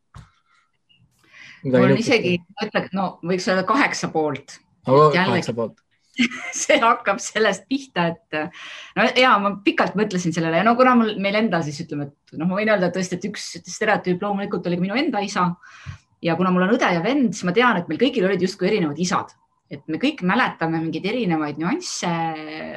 noh, ma ei tea, venna jaoks oli ta kõige vähem hirmus isa, minu jaoks ta oli kõige hirmsam isa ja juba sealsamas perekonnas on samamoodi, et tegelikult äh, ja noh, loomulikult uurijad küsivad, et noh, milline ta oli nii-öelda, et igaüks ikkagi annab temast äh, veidi erineva versiooni ja ma arvan, et tegelikult selliste, et see ongi nii, et äh, noh, lõpuks ma ei tea, Eva Braun armastas Hitlerit, on ju oletatavasti, et ta leidis. ei, selles mõttes ja ma olen selle, ma olen selle ideega nõus, et isegi kõige hullematel on positiivseid omadusi. just, et äh, ja mõni inimene ei ole nii tundlik, et noh, see on jälle selline, ma ise nagu läbi selle loo mõtlesin ka selle peale, et kui, kui sa oled selline noh, mis iganes looja natuur või, või sa tunned vajadust äh, midagi nagu märgata ja tõlgendada, et sa oled tõenäoliselt nii-öelda keskmisest äh, tundlikum et on hul hulk inimesi ja samamoodi nende skandaalide varjus on ju, ma tean jälgisin Facebookis mingeid sadade inimeste osalusel toimuvaid mässusid on ju oh,, kas näiteks minu sugulasele bussis öeldi, ühesõnaga mingi, mingi vanem härrasmees kummardus ja vaatas äh, tema alakeha. nii, mille peale siis minu noor naisest, naisterahvast sugulane pöördus ja küsis, et umbes, et noh, mis, mis te teete või kas on nagu mingi probleem, oli väga ärritunud sellisest tegevusest. ja siis see vanem härrasmees ütles, et aga et umbes, et miks sa ärritud, et häda pole ju midagi. Ja siis läks niimoodi saja inimesega lahti taksamine, et kuidas osad naised ütlevad, et see on kompliment, et keegi noh, kas ma võin eesti keeles öelda, keegi vahib su perset, on kompliment. Ja siis teine osa inimesi, kes ütleb, et ma ei taha selliseid komplimente, on ju, palun ära tee. et, et ikkagi see teine inimene peaks suutma tajuda, noh, kui keegi ikkagi kummardab ja vahib, on ju, et ja pole ju, pole ju seda retsiprookset käitumist ja kui mina kummardaksin ja jüllitaksin selle meesterahva intiimset kehaosa, ta oleks ju, tema oleks meelitatud, eks ole, ma ei suuda temale taasluua seda ebameeldivust, kui mina olen noor naine ja täna tema on vanem mees ja mõni mees on ju selline, et võib ka tulla vana naine ja kole naine ja ta on ikka meelitatud, et tema kehaosasid märgatakse. Et... aga minu meelest nagu noh, mind alati nagu rabab see, et mul, mul jääb, ütleme see mulje nendest inimestest, et nad päriselt ei saa aru, mida nad tegid valesti või et neil on kuidagi jumala tugev selline enesekesksuse mehhanism, mis ongi pime ja nad ongi siiralt nii-öelda kurvad ja siiralt nagu üllatunud, et kedagi see on häirinud. et, ei võinudki või?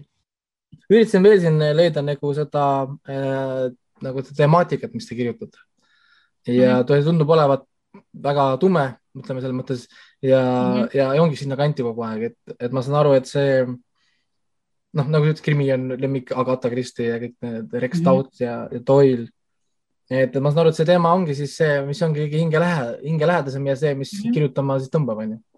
Mhm.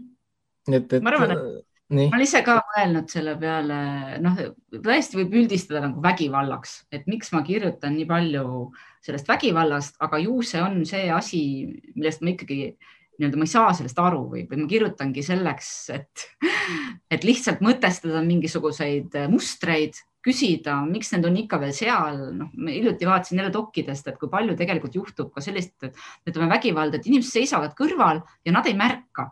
nüüd oli hiljuti mingi uudis, et Tiktokis on video, Hiinas tapeti mingi mees tappis naise tänaval ära ja kõik inimesed lihtsalt filmivad telefonidega, et näe, tapab et, et noh, kuidas, kuidas saab olla, et noh, et iseenda suhtes on ju, me, me, me saaksime väga hästi, ma arvan, aru, kui paha on, kui sind tapetakse aga, aga ühiskonnana hoolimata siis sellest infovoost ikka veel nagu mingi hunnik vägivalda kuidagi selline subliminali või nagu läve, läve, mis iganes, lävendi alt nagu libiseb läbi või noh, sama selle peri, perevägivallaga, et et noh, taas, et ütleme, ei ole võõras teema, on ju, samamoodi sealt lapsepõlvekodust. ja kõige naljakam oli see, et mitte kunagi ei tulnud, see on jälle üks niisugune motiiv. et ei tulnud, ei tulnud pähegi, et võiks minna politseisse et sa elad kuidagi selle paratamatusega, et keegi on ohver, keegi on nii-öelda see agressor ja kuidagi väga raske on jõuda selle mõtteni, et see ongi ebanormaalne. see on täiesti ei olukord ja sa peaksid päriselt midagi ette võtma. et, et mingid teatud inimesed, ma arvan, samamoodi need ohvritüübid, et need kurjategijad tegelikult ju tunnevad väga hästi ära, kuidas kellegiga käituda, et sellele psühholoogile vastab peegeldades, et samamoodi, et ütleme et ega see Ted Bundy nii-öelda igaühte ei korja peale või nad no, ikkagi jah. nad tunnevad, tunnevad nii hästi. ja, ja, et kes on see haavatavam inimene ja siis ütleme, ainus lootus teda takistada ongi sellel ühiskonnal või kõrvalseisjal, sest see ohver nii-öelda, tema on nagu oma mingite mustritega, oma mustrite lõksus. mulle nii meeldis, kui ma nägin sealt ennem uudist kui Eestist mm. Deadline, äh, see exclusive mm -hmm. uudis tuli, see oli nii kihvt vaadata oh,, Estonia, finally, finally. tuttavad stsenaristid saatsid, et äh, jah, oli jah äge, et äh, no tegelikult on ikkagi, ütleme niimoodi, et ega on jumala suur asi, et suur asi on ikkagi pääseda, pääseda mingisugusest sellisest äh, noh, ma ei tea, et Eestis on ka kuidagi need sarjad võib-olla või see Eesti publiku ootus, et noh, ma ei tea, kui palju kordi mulle on öeldud, et kirjuta see uus pilvede all. noh, et see, meil on see pilvede all, meil on see õnne, nad jooksevad, ma ei tea, kui ma olen surnud, nemad ilmselt ikka veel jooksevad. saja viiekümnendat hooaega, et, et noh, see on väga-väga kitsas ja ahistav nii-öelda pakkumine ühele loovinimesele, et äh, las nad jooksevad, seal jookseb terve see Eesti elu läbi, läbi nende sadade episoodide aga, aga noh, see ei tohiks olla ainus, mida me ootame nii-öelda oma sarjadelt, et äh, kuidagi, kuidagi väga nagu kurb, kui on ainult selline mind ennast nagu vahel võib-olla isegi ma ütlen, et see mingi krimisari võib, võib mind üldse mitte nii-öelda morjendada, aga, aga see õnne võib mind morjendada. ma võin ühe osa seda õnnet ära vaadata, olla väga õnnetu. mul, ma spoilereid ei küsi, sest noh, ma ei taha spoilereid ja ei ole mõtet äh, hakata üldse. et, et ma tahan ise avastada ja tõenäoliselt mul ei ole nii palju iseloomu, et ma suudaks oodata kuni järgmise aastani, ma tõenäoliselt loen selle raamatu ennem ära ma olen, ma olen alati nii nõrk sellega, ma, ma kogu aeg mõtlen, et seekord ma ei loe, siis kaks nädalat hiljem mul on äh, lugu loetud, nojah, nii palju siis sellest. et ma jätan täiesti lahti selle, et, et sõltuvalt siis sellest ähm, resi-, režissööri nägemusest, võtteplatsist, asjadest, jumala palju võib muutuda, et äh, väga sageli ikkagi nii läheb, et äh, noh, see viima-, viimaselt lõpuks see asukoht nagu paneb, paneb asjad paika ja reaalsus. et äh, jah, ja noh, ma arvan, et ise raamatut, ma ei tea, et Eestis tegelikult päris huvitav oleks, et noh, ei ole ammu olnud ühtegi sellist raamatut, mida palju loetakse.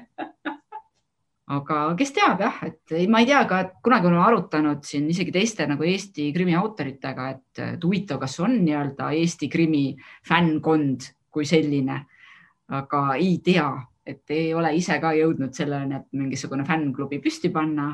Aga huvitav oleks jah teada, et palju siin on ja omavahel võib-olla just jagada mingeid, mingeid häid uusi teoseid, et hommikundki siin, hommikul käisin Vikerraadios, siis äh, see Priit oh. Kuusk ütles, et Fred Vargas, äh, prantsuse autor, et äh, juba, juba tuleb siin soovitusi, et äh, väga äge nagu fännil fännile, et. ma lõpetan sellega, et ma küsiksin, ma tahaks küsida, mis on see enda nagu see, nagu see kõige nagu end, teie enda arvates see kõige uhkem töö, noh nagu või see kõige uhkem moment siis stsenaristina? kõikidest asjadest või? jah yeah., mis kohe no, nagu pähe tuleb. viimane, viimane, jah, iga kord selgelt enda jaoks on eesmärk teha parem asi kui eelmine minu puhul küll. tahaks ükskord ikka olla. jah, ükskord tahaks ikka selle True Detective'i ära kirjutada, et vaatad ja ongi vahu kogu aeg või Sinner on ju et. aitäh intervjuu eest ja järgmise korrani siis, kui on juba ja. midagi põnevamat rääkida. tšau. Tšau aga jah, nii, äh, sellega on siis intervjuu läbi äh,. jah, ma lükkasin sealt omajagu asju välja, sest natuke lühemaks me rääkisime päris pikalt tegelikult äh, Äh, noh, mis ma veel küsisin, selle episoodi pikkus näiteks nelikümmend viis minutit kuni vist tund oli seal räägitud ja niisugused noh, pisiasjad, mis, mis tegelikult noh äh,, ei, ei olnud nagu nii olulised uh,. ja küsin nüüd ka Ragnari ja Hendriku käest ka, mis siis mõtted on nüüd siis selle Otto Mülleri kohta?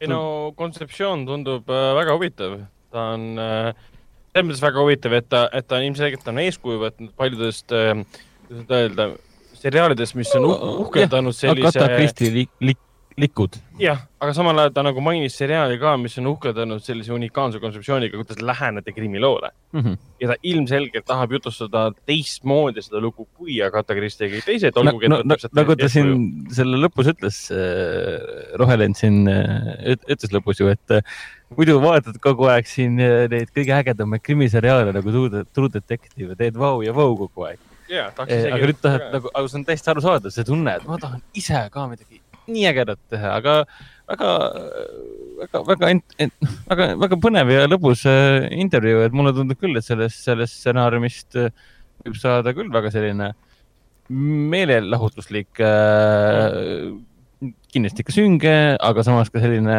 pead äh, murdma panev krimka. jah yeah., ma sain õigesti aru, et siis, et nagu, nagu tulevased hooajad on ka juba planeerimiskäigus? No äh, jah, ma küsin selle, ta ütles, et ta juba tegelikult äh, kirjutab teist raamatut peas endal äh,, kus siis samad uurijad äh,, Gabriel ja Agnes või Agnes ja Gabriel äh, lähevad siis äh, mingit uut juhtumit nagu lahendama. ehk okay. siis äh, vähemalt spoiler äh,, nendega juhtus siis mitte midagi, vähemalt äh, esimesel hooajal siis järelikult.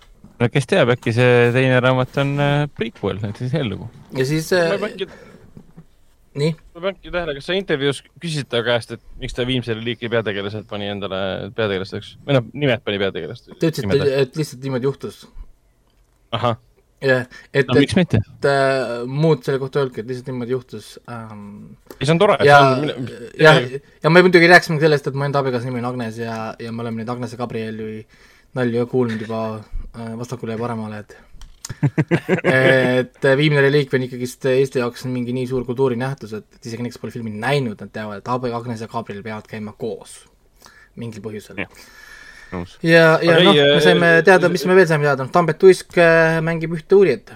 ehk siis tähendab seda, et Märt Avandi on üks kahtlusalustest, tema on süüdi. jaa, aga Jaan Rekkur oli täna, oota, täna on kolmekümnes, täna kolmekümnes aprill ja, ja mitmes saade meil täna on? saja üheksas saja üheksa saadeid, jätke siis meelde, et kolmkümmend aprill me salvestasime, esim-, esimesel mail vist tuleb välja homme. aga jätke siis meelde, et we called it, et Märt Avandi on mõrtsukas kui sul on mingi loetud peanäitlejad välja, välja nagu nimetatud. no jaa, aga ikkagi kinoveebi Jututuba on see legendaarne saade, kes äh, tegi nalja, et Christopher Nolan on Eestis.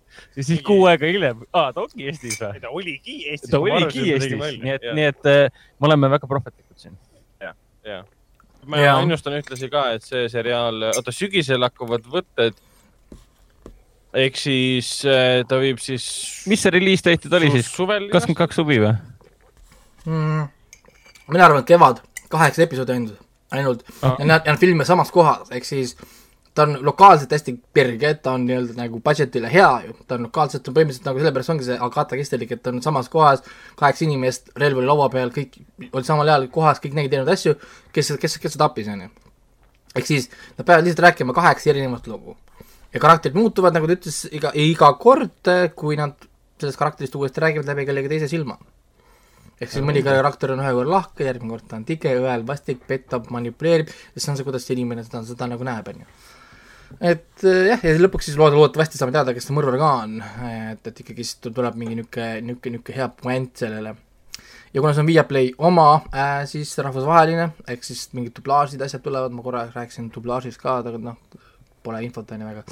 aga tõenäoliselt tuleb mingi ingliskeelne dublaaž, subtiitrid, kõik jutud äh,, eksport ja selleks ajaks on, ärge, ärge unustage, selleks ajaks on Viaplay ka Poolas ja Ameerika turul.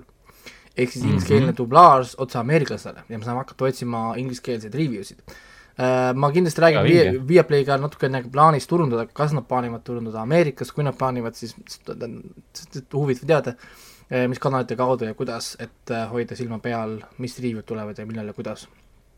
väga lahe, Eesti Jep. saab, Eesti saab nüüd rahvusvaheliselt kuulsaks kui kõik hästi läheb äh, ja, ja, ja mingit uut, äh, mina ei tea, mingi uus koroona, koroonalaine ei tule, mis ma ei tea, digitaalset meediat. ja, ja siis praegu on plaan, on siis sügisel ka Vilbrega äh, natuke rääkida sellest, kui võtud on alanud.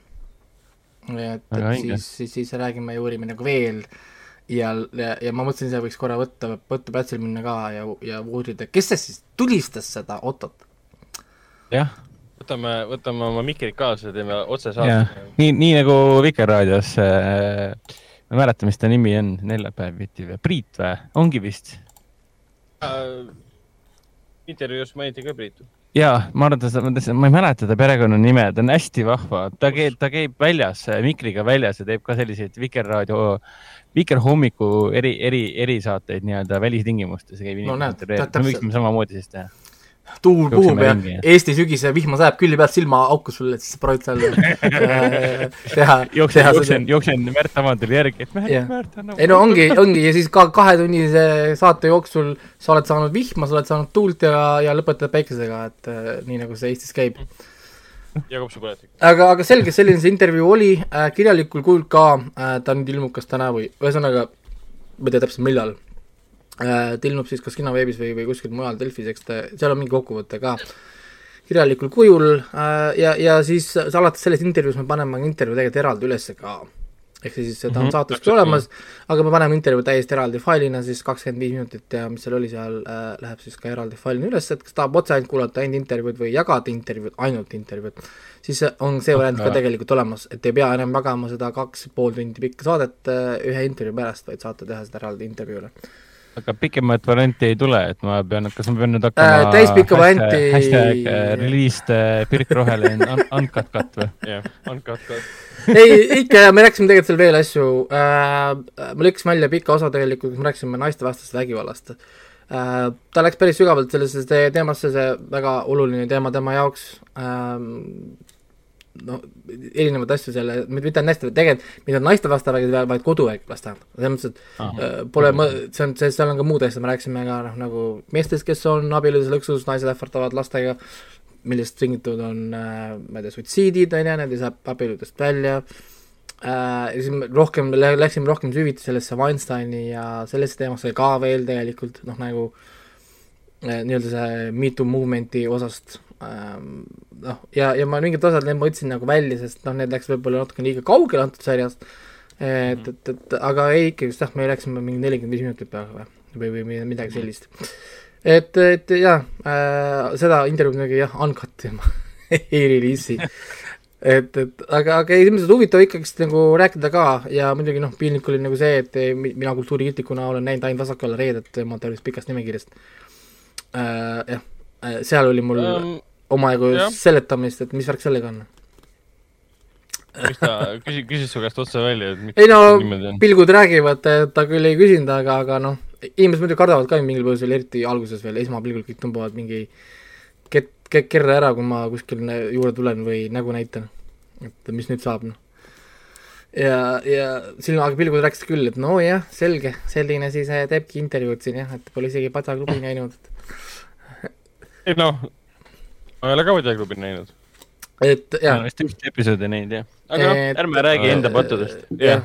Selles mõttes, aga need on raske, need on raske vaadata tegelikult ka, ma ütlen ausalt, sest need jooksevad laivis, me oleme kõigil kellaaegadel õigetes kohtades, järele, järelvaatamised, asjad kestavad mingi aega ja siis jah, eh, ma ei ole nagu tagantjärgi hiljem nagu süvenenud ka, eh, aga ikkagist mind huvitavad küll Eesti sarjad, kindlasti, ma tahan vaadata neid Elisa originaalsarju, lihtsalt. Elisa Hub kui süsteem, millest ma räägin ka hiljem eh, voogedastuste eris, on äh, pask.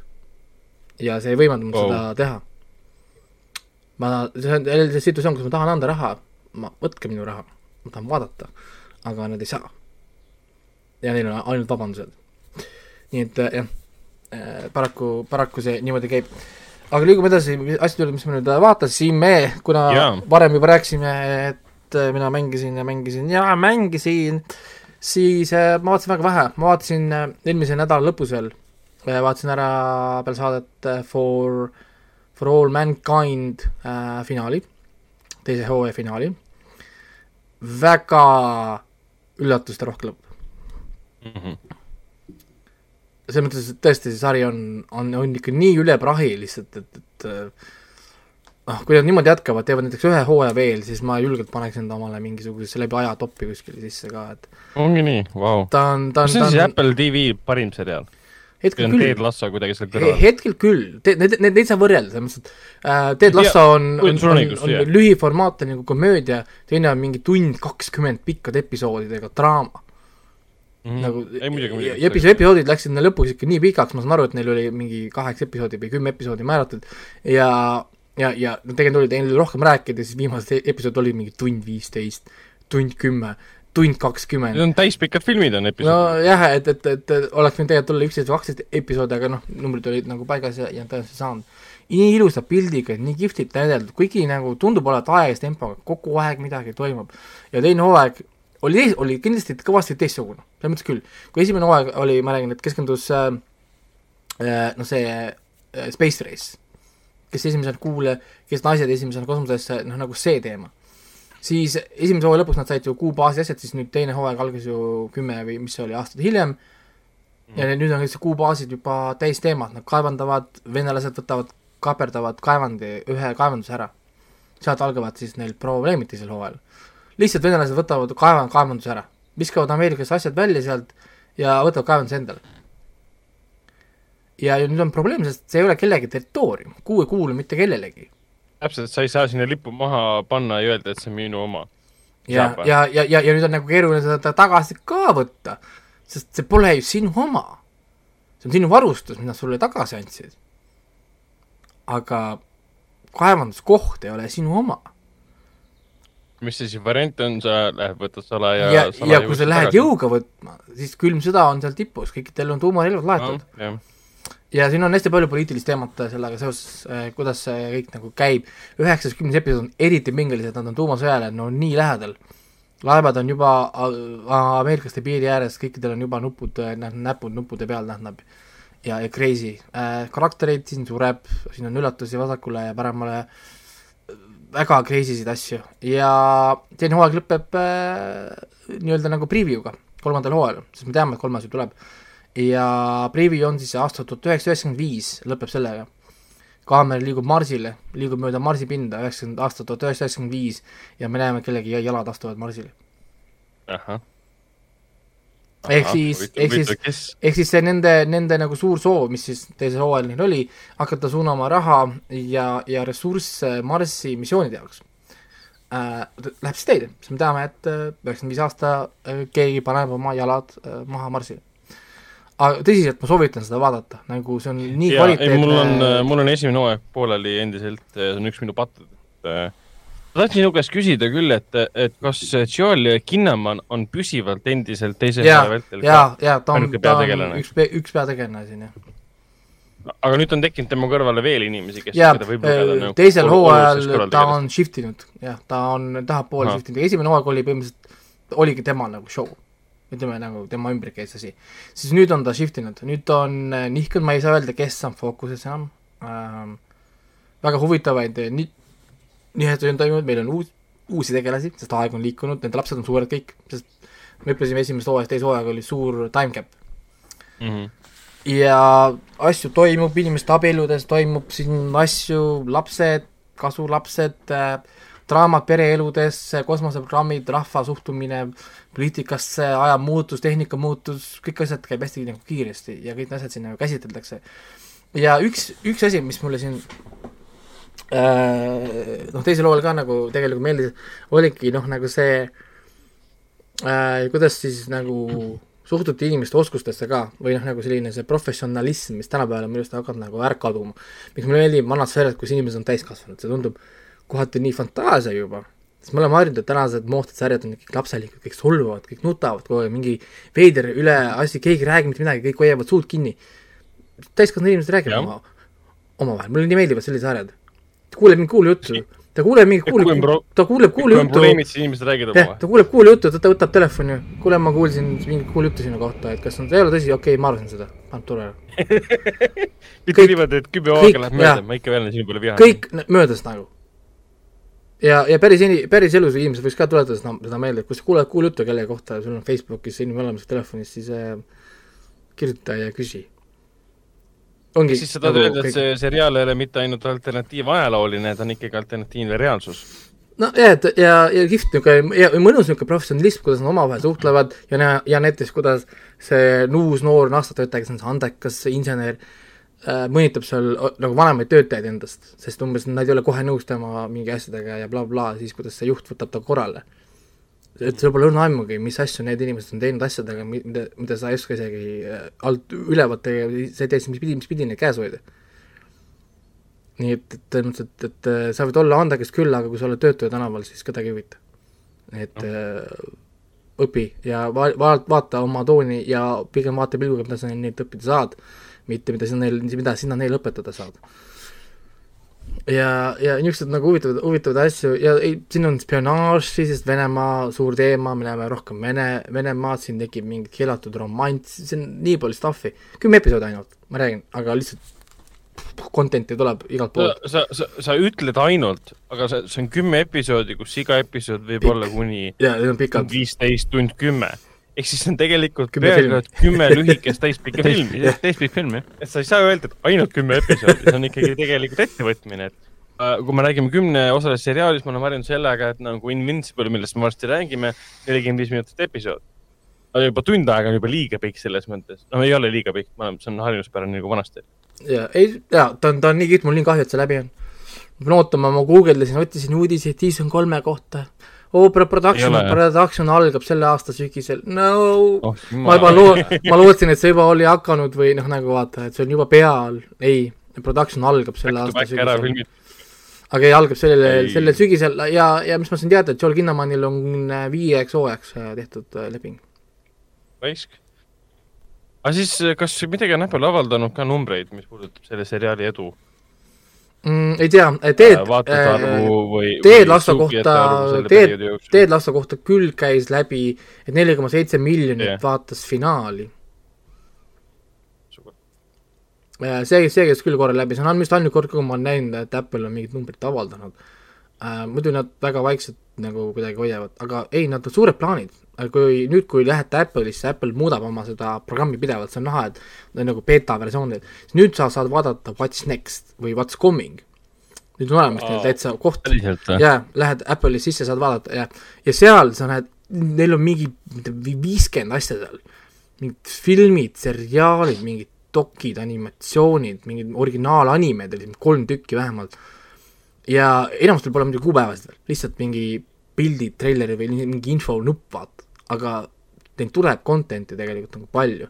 kui vahepeal tundus, et neil tuleb mingi, noh, mingi kuskilt mustast august või, või ilma infota, siis nüüd me tegelikult noh, nüüd on mingi koht tekkinud, kus seda saab nagu vaadata.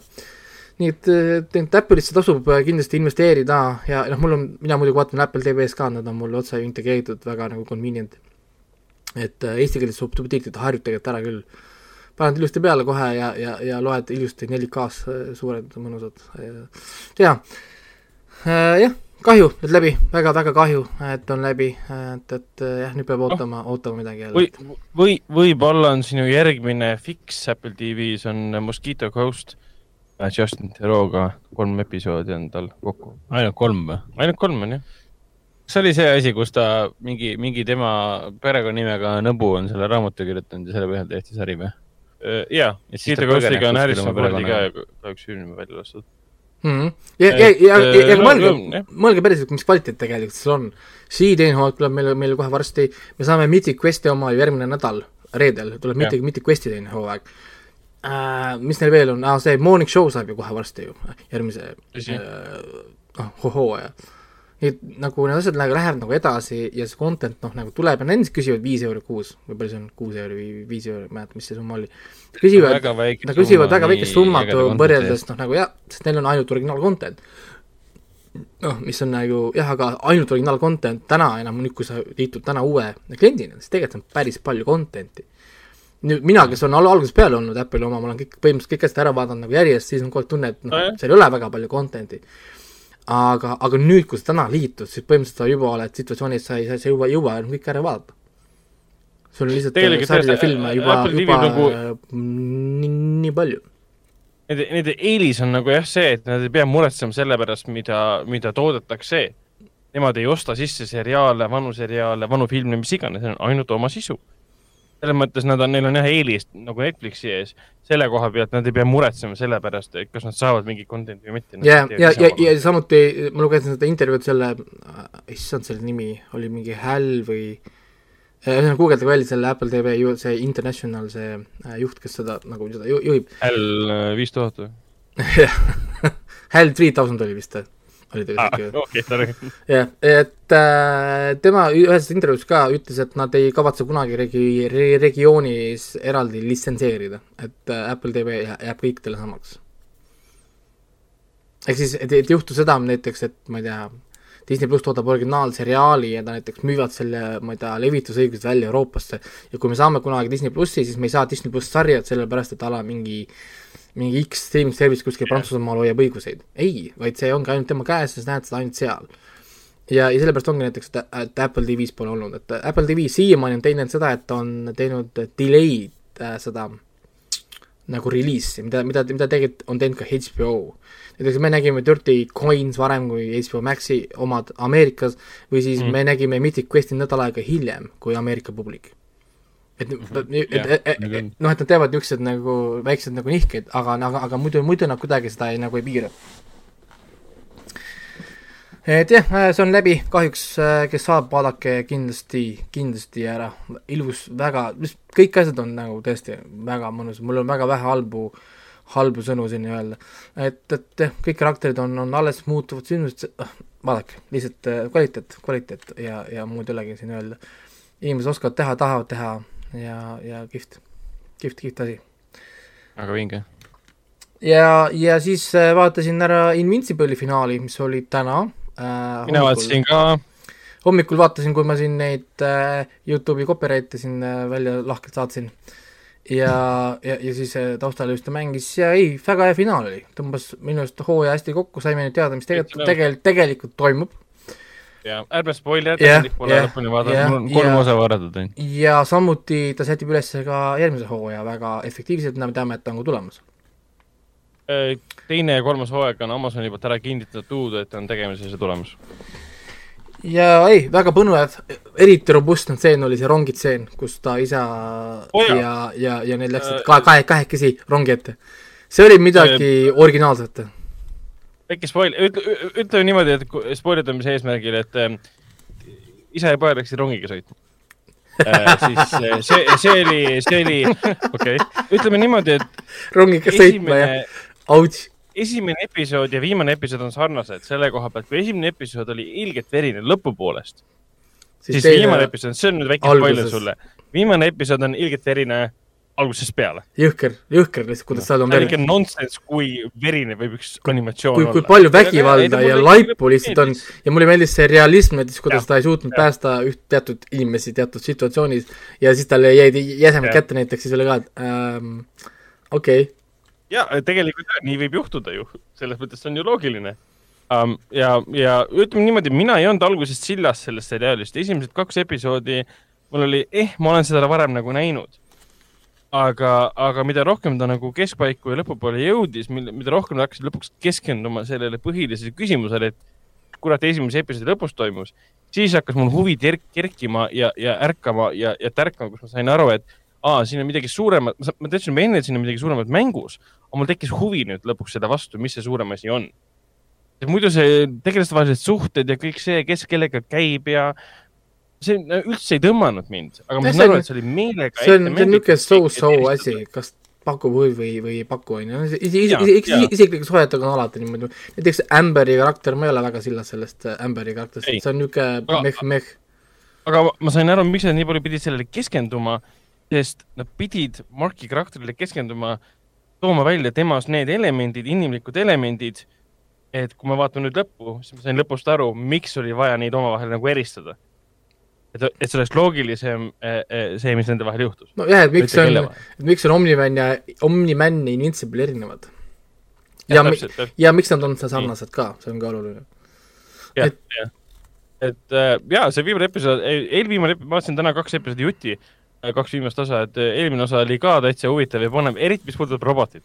mulle see roboti teema meeldis, roboti karakter mulle hakkas väga meeldima, mitte ainult selle ühe sündmuse pärast, aga see suhe, mis tal tekkis selle tüdrukuga, kes iga kord, kui kas sa nii kaugel oled või?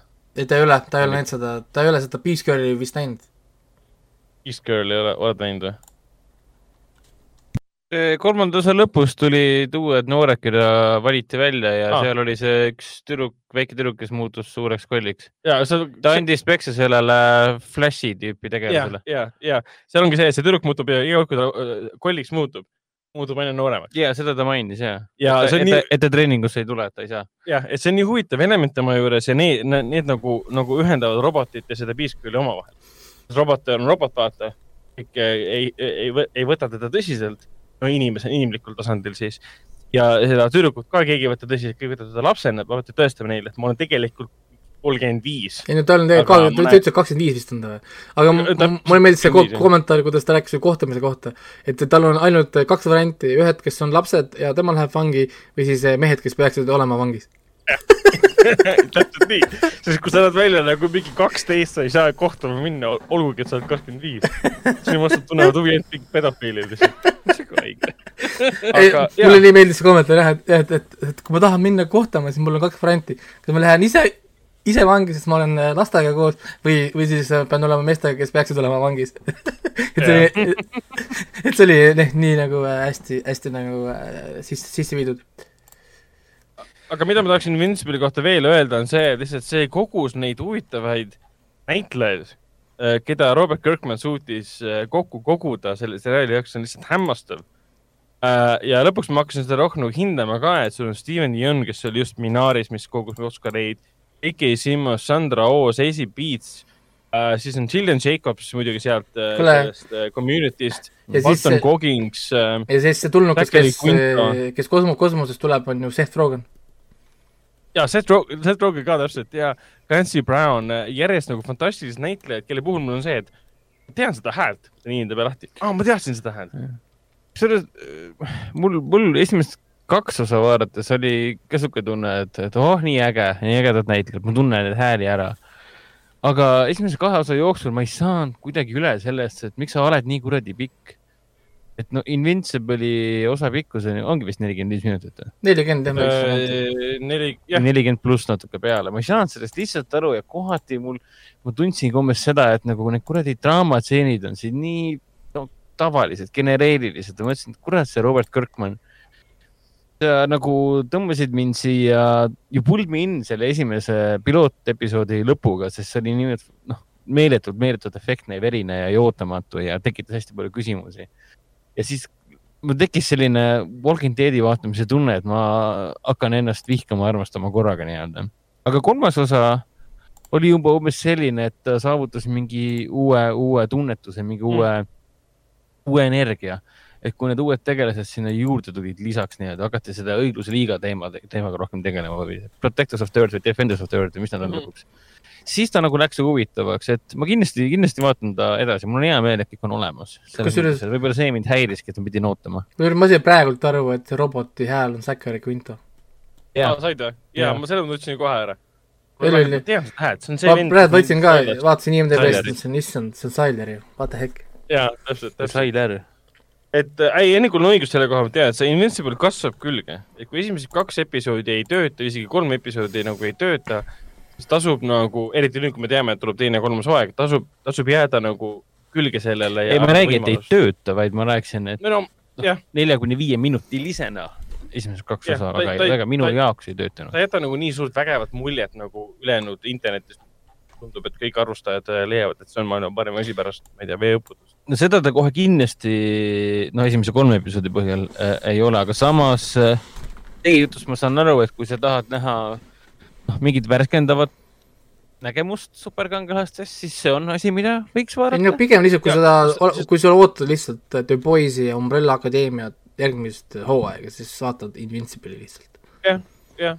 okei, vot see, see ongi see, mida tõenäoliselt äh, paljud meie kuulajad tahaksid yeah. kuulda, et kas ta on selline augutäie, umbes nii nagu Shadow, Shadow and Bone on nii-öelda yeah. Twitcheri ja Tronide mängu vahel. ta lõpuks muutub, ta muutub lõpuks veidraks, ta lõpuks läheb sellest tavalisest superkangelase kestast välja ja me saame aru, mille poolest ta eristub esimesed kaks episoodi mul oli see, et aa, see on mingi tavaline superkangelase teema, ma olen seda kõike näinud. no mul oli ka, mul oli siuke tunne, et okei okay,, ma siis vaatan teist yeah. hooaega The Boys'ist yeah. uuesti või. see on jälle see Kirkmani stiil, ma näitan sulle midagi tavalist, kuhu ma panen mingi šokeeriva asja sisse, jätkan tavalisega, siis ma järk-järgu muutun niimoodi, aa, see on hoopis midagi muud, mis mm, -hmm. jumal, nüüd sa jääd seda vaatama aga, aga jah, see kusjuures mulle meeldis väga see idee, et nad näitasid lõpuks seda, mida inimesed on Supermani kohta küsinud.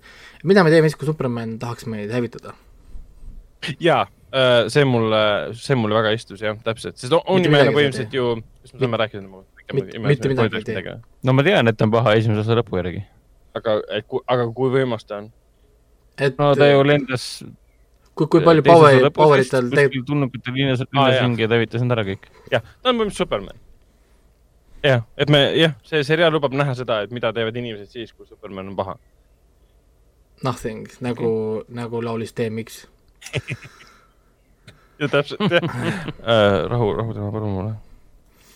nii, aga, ja siis ongi, ja viimane asi, mis ma vaatasin, oli see Shadow and Bone, ta oli esimene hooaeg no,, sellepärast et see. kõik nähtud. et see, et see, et see kerkis, ei hakka spoilerdama midagi äh,. ei, te võite korraks. siin ei ole midagi spoilerdada. me ei saa spoilerdada, see tuli alles välja. ei ole midagi spoilerdada siin ühesõnaga Shadow and Bone, mis on siis praegu hetkel kuum Netflixi fantaasia mis ta siis ongi, puhas fantaasia lihtsalt, sari. ja tal on, ta on niisugune vahepealne, ta ei ole Witcheri kvaliteeti, ta ei jõua sinna Game of Thronesi nii, kuid ta on niisugune piisavalt hea, et olla niisugune kõikidele okei okay., et ma vaatan, see oli täitsa tore, see oli täitsa mõnus, tal on niisugune ma mõtlesin selle peale väga palju. jah, ja, ja, ja, ja tal on niisugune põlvkondi ühendav mingi omadus, et sa neljakümnene mm. võib seda vaadata viieteistaastasega koos ka ja mõlemad leiavad sealt midagi niisugust äh, põnevat. et selles mõttes, et ta on väga sujuvalt jookseb mööda seda niisugust keskjoont, noh, nagu jaa, ja ta on väga, no mitte väga, vaid ta on kohati päris lihtne ka selles mõttes, kuidas asjad et... kulgevad, kõik on nagu, mis asi, loogiline ja,, jah, loogiliselt kulgevad, isegi mõnikord isegi liiga loogiliselt. selles mõttes, et ta on väga lihtne story, et ta on, tegelikult see on lugu, mille igaüks meist võime kirjutada et siin ei ole ühtegi ja. mingit niisugust revolutsioonilist karakterit, siin ei ole midagi revolutsioonilist, kõik on piisavalt head. et, et nagu rahuldada nagu igalt poolt ja siis vaatad seda sarja ja sul ei ole igav, see on mõnusalt, ta jookseb, tempo on parasjagu, kõik nagu klapib, noh. muusika on hästi kihvt, tal on hea pro-, tal on hea production Ilu. value, tal on niisugune see väga ilus näeb välja. tal on niisugune see anime, anime efekt ka alati juures, seesama see, et, et kellel on power'it ja kui palju ja, ja ja noh, nii edasi, no muidugi siis mingid, siin on üllatusi, pöörded, mis tegelikult pole kellegi üllatused või nagu pöörded, aga aga samas nad nagu need toimivad, need pöörded nagu, isegi see viimase osa pööre. see, mulle, mulle see, jaa, esimese hooaja lõpp küll mulle meeldis, et follow. jaa, jaa, ja see, siis, siis ma küll mõtlesin, et nagu okei okay,, see on vist esimene kord, kui ma tunnen, et et ma nagu aimasin, et midagi sellist tuleb, aga sa tunned nagu mingit, mingit siirast rõõmu, et oh, kuule, see on äge. ei no see oli nagu sama, see oli umbes sama tunne, kui sa Game of Thrones'is esimest korda nägid White Walkerit. et äh, nägid ära ja esimeses osas või? ei, ei Game of Thrones'is, kui sa nägid neid ähm, noh, neid ühesõnaga ma, ma, aa, need eh, bossid nii-öelda, jah? jah, jah, need uh, bossid neil, kui sa neid yeah. nägid esimest korda, et, et, et siis oli ka umbes selline yeah. taoline idee, nagu siin lõpus oli, kui ta ütleb, et follow. et story mm -hmm. on, eelmine, eelmises saates vist rääkisite, rääkisite tegelikult ära story, ma polnud siis veel näinud ühtegi episoodi um,. Uh, lugu on lihtne uh,, Venemaa, see on, see on siis Venemaal aset leidev fantaasia, see on siis nii-öelda nagu uh, Tsaari Venemaast inspireeritud fantaasia. Tsaari, Tsaari Venemaast inspireeritud või siis äh, nagu ikka need millegipärast kipuvad olema kõik seal tuhat kaheksasada üheksakümmend, tuhat üheksasada kanti jäävas ajas millegipärast. et kus on piisavalt palju tehnoloogiat, aga mitte nagu piisavalt, noh nagu natukene, aga mitte et nagu elu veel põnev oleks nii-öelda sellepärast, et kõik need lood kannataksid räägilt, kui inimestel oleks telefonid. Äh, kui inimestel oleks telefonid, nad ei saaks neid lugusid enam jutustada ja siis need kirjanikud leiavad, et aga fuck this shit kaotab ära telefonid, teil ei ole telefone, me pole leiutanud seda, on ju. ja, ja, ja nüüd saab olla nagu põnevus, sest kui oleks telefonid, siis äh, mitte ükski plot hole, või plot tähendab äh,, ei peaks vastu, vaid kõik oleks lihtsalt üks suur plot hole. ja, ja sama tehti, kehtib ka tegelikult Neversi kohta ja ühesõnaga noh, nagu see, see käib nende paljude kohta. ja, ja lugu on siis niimoodi, et üks äh, tüdruk äh, sünnib siis mm, segaverelisena, ta on siis Aasias segu Alina on ta nimi vist oli või? jah, ta on äh, osaliselt Shu päritolu ja osaliselt siis rav-, ravkalane, nii ma saan aru. ja põhimõtteliselt Shu on siis mongol, mongolid, nagu ma olen saanud aru, ja ravka on lihtsalt venelane, põhimõtteliselt. põhimõtteliselt jah. põhimõtteliselt. ja mis tegelikult, kui sa kes iganes Venemaal käinud, mis iganes linnas olete käinud, siis te näete igal pool aasialasi, ja siis kes nägid venelased, sest Venemaa on mitme Aasia na naaberriik nüüd, lugege kokku. põhimõtteliselt Venemaa on Aasia riik, tegelikult, olgem ausad sest en-, enamus ta ju, landmass'i tal on ju Aasias. ta on ju kõikide Kasahstanide ja Mongoolide ja Hiinad ja mis tal kõik seal naaberriigid on, on ju vastu Venemaad, mis sa arvad, keegi kontrollib neid piire seal või? ei kontrolli keegi seal. ja me marsivad sisse-välja vasakule-paremale, on ju. ja, ja siis siia seda on sisse toodud, mingil põhjusel kõik on räigelt rassistlikud ta vastu, ma ei tea, miks, sest ta ei, tegelikult ei näe isegi teistmoodi väga välja kui need ülejäänud karakterid, aga noh, olgu. ja Venemaal millegipärast neil kõigil on briti aktsent, Äh, noh, müstika, eks kuna see on fantaasia. aktsenti ei ole jah, kuigi kirillitsas äh, teksti võib äh, isegi näha, näha, ühe korra vist nägi ühe lipu peal. Nad kasutavad venekeelseid väljendeid ka ju, Moitsarinna ja Moitsaar. mitte väljendeid, vaid venekeelsed sõnad reaalselt, nad kasutavad kari britte, räägivad siis briti-inglise keeles, aga, aga terminid on siis vene keeles nii-öelda yeah.. see on väga-väga kummaline, kummaline. ja, ja, ja nii nagu ma saan aru äh, siis fännide jutu järgi, et see on raamatule üpris true äh,, väga vähe on äh, ära jäetud, ainukene muudatus, mis on tehtud, nad on miksinud või noh, nagu seganud kokku sündmusi esimesest ja teisest raamatust. ehk siis me saime natukene juba teise raamatu sündmusi ka, eriti vihja, vihjates siis selle kõrvalloole, mis oli siis selle Niina ja ühe siis selle Slaveriga. Või noh, sorry, ta ei olnud, ta, ta pole, ta pole tegelikult Slaver äh, et, et, et see, ma saan aru, osad sündmused, mis meile topiti nagu niisuguse kõrval nagu tegevusena, tegelikult ei ole samast raamatust pärit. aga noh, kes on lugenud, teab kindlasti täpsemini äh,. ja ma kuulsin ka, et see Inesi tegelane vist samamoodi, et tema, tema taust vist on siin palju rohkem välja antud, kui esimeses raamatus kunagi üldse oli ja nii edasi.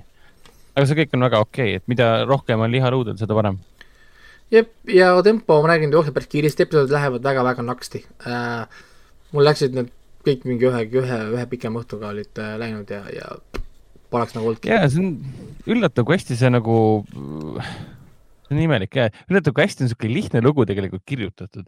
et on nagu klassikaline lugu, et nagu ma eelmises saates ütlesin, ütlesin ka, et oh, ma olen orb, oh, ma olen eriline, oh, ma olen nüüd nii eriline, kõik tahavad mind pühakuks teha, ma pean no, maailma nagu päästma. see on nagu Harry Potter põhimõtteliselt. see on see, et oh my god, see on see, et oh my god, ma ei pane sind tööle. Miks ma peaksin, mis see on, nagu, see on nagu iga see lugu, aga inimesed alati kusjuures ärritavad, kui on väga lihtsad asjad ja keegi võtab selle lihtsa asja ja teeb sellest midagi edukat, saab inimesi väga tigedaks, sellepärast näiteks Twilight ajas inimesi närvi. see on ju nii mõttetu ja nii lihtne lugu, aga kirjuta siis ise noh, täpselt, täpselt. kirjutasid ise ja kui hakkad ise kirjutama, siis avastad, et issand, ma ei jõua küll järgi pidada kõikide karakteritel, kohtadel, ma ei jõua küll järgi pidada kõikide iseloomudel, asjadel. no vot, vot, vot, nüüd hakka kirjutama, noh nagu kirjuta viisteist, viisteist karakterit, pane need kõik situatsioonidesse, lahenda neid, anna erinevaid vaatenurki ja asju ja siis avastad, et see on tegelikult keeruline. see on tegelikult väga-väga keeruline ja ei, ma olen rahul äh,, kellel on võimalus vaadata, vaadake, aga eeldusel muidugi, et fantaasia meil läheb peale, siin on inimeste võimetega inimesi, siin on lendavaid drakoneid, mingid udu, udu, musta udumüürid, kust ei saa läbi minna ja, ja ühesõnaga siin fantaasiat jagub oh,, mütoloogilised mingid olendid jooksevad. ja see võiks nagu ting-, tingimus olla jah, et äh, ütleme nii, et kui sa oled troonide mängu fänn, siis sa kindlasti võiksid seda vaadata, aga ära eelda, et see on troonide mäng. ja ei, ta ei ole nii tõsine ta ei ole nii tõsine, ta on ta on ja. ikka lapsemeelsem kõvasti, ta on lihtsam kui troonide mäng, troonide mäng on puhas kvaliteet nagu niisugune üüberdraama, nagu noh yeah., põhimõtteliselt nii nagu maksimum, maksimumini viidud, kui saab olla. siis see on niisugune paar sammu tagasi, meil on draamat, meil on natukene seda teist ja kolmandat, meil on jah, siin pole seksstseene väga, siin on väga vähe niisugust vägivalda, mida me näeme.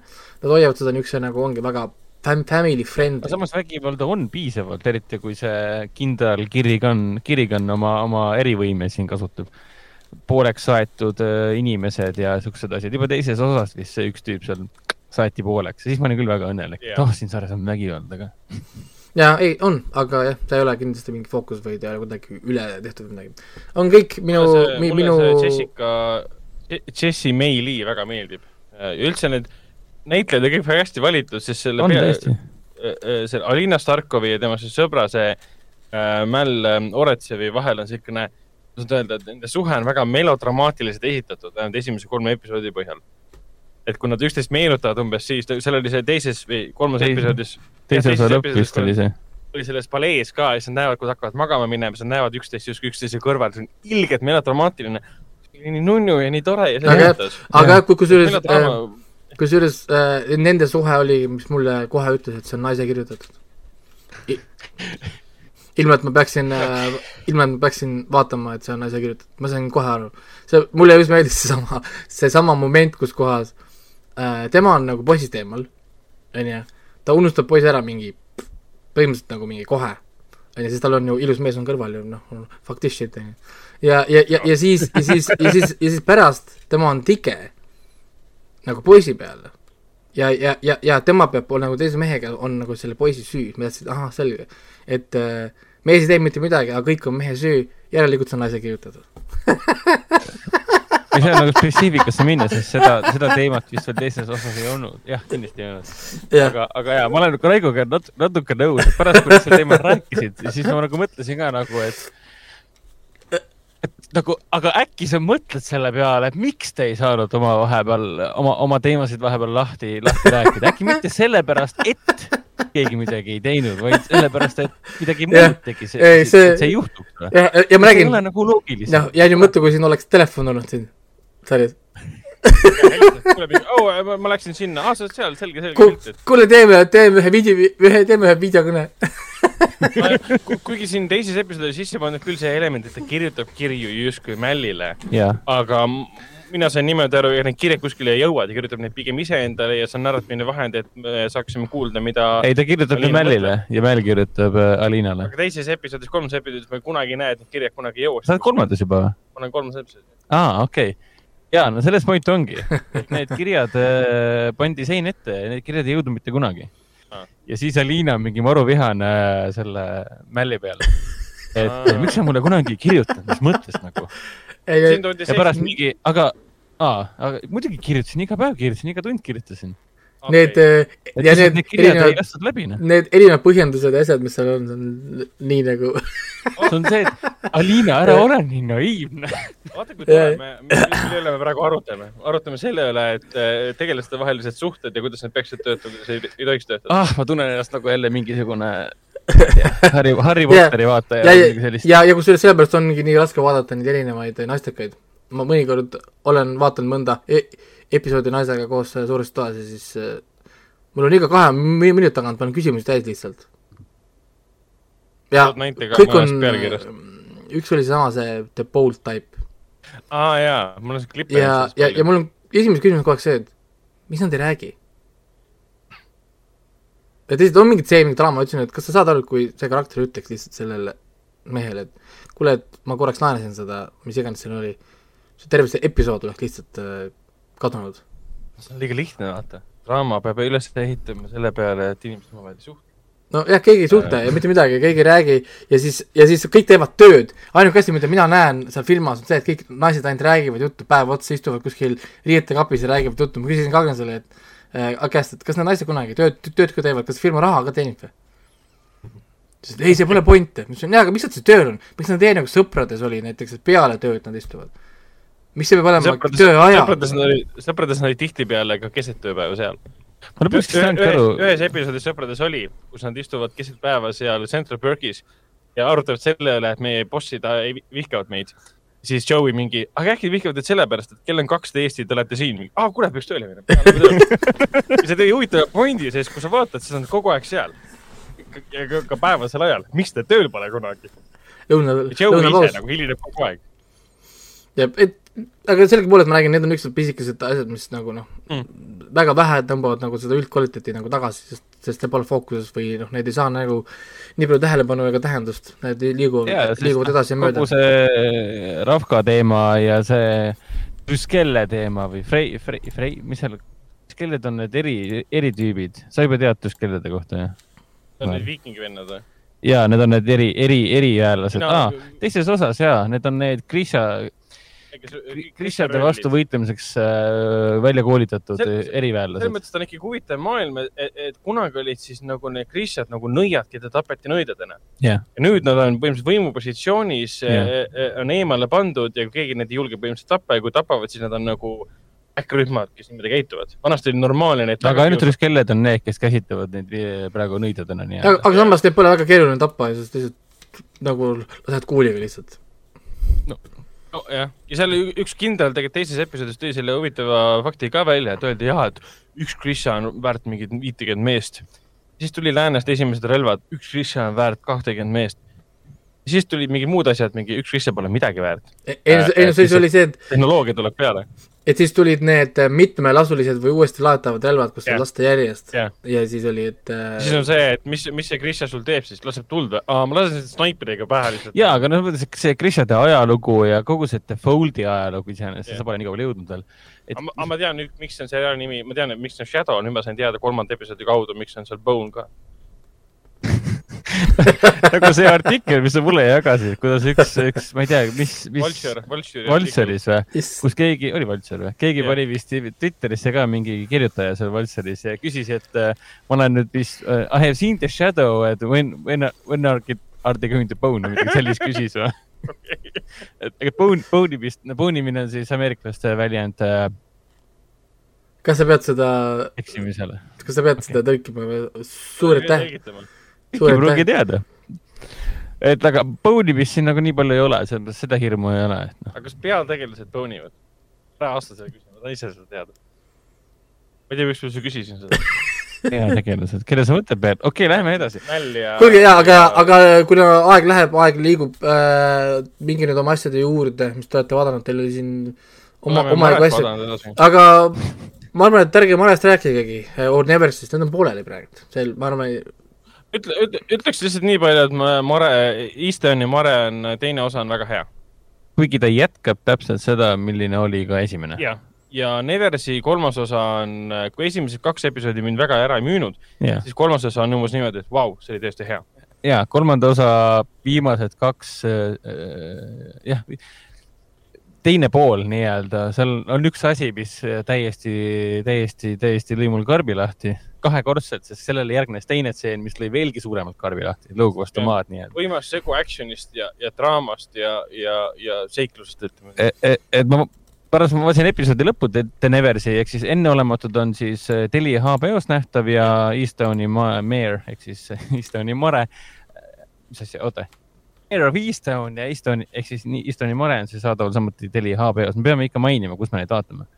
Äh, ja, ja The Neversi ehk siis enneolematud, see kolmanda osa lõpp oli tõesti nii, et ma vaatasin uuesti mõlemad. aa ah, no siis, siis peab kohe mainima veel, et äh, Shadow and Bone, Netflix, For All Mankind, Apple TV pluss ja Invincible Prime video. täpselt nii. et nii, aga mina vaatasin äh, päris kiiresti läbi Telia HBO-s või HBO-s saadaval oleva dokumentaalfilmi doku,, dokumentaalseeria nimega Q Into the Storm.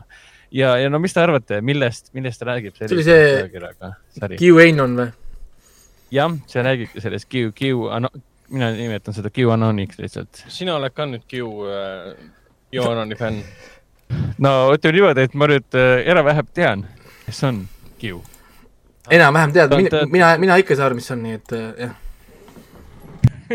kusjuures ma ei teadnud mitte midagi. sul on see, sa ütlesid, et tead, kes Kiu on, mul on see, et no.. millest sa räägid üldse? millest sa räägid üldse eh, minu seos Kiuga, ma olin mille, midagi oli nagu pihta saanud selles suhtes, et kui need Kapitooliumi äh, mässud olid nüüd jaanuaris äh, Washingtonis äh,, siis, siis hakati ju peavoolumeedias rääkima ka QAnoni vandenõuteooriatest ja siis. Nemad on nagu Q, Q toetajad. ja siis sellest, kuidas Twitter vahepeal rääkis, et need eriti ohtlikult viha õhutavad vandenõuteooriad, neid me põhimõtteliselt bännime ära Twitteris nagu ka kõige suurema viha õhutaja ehk siis Donald Trumpi ja siis sa mainid aeg-ajalt Q-d ja QAnoni ja QAnon uh, conspiracy teooria ja mis iganes, aga ma ei hakanud seda kunagi uurima, sest ma mõtlesin, et no mu elu on vist piisavalt huvitav, et. no polnud huvi selle vastu, sest noh, miks sa peaksid lugema mingit jama? no see on ka üks asi.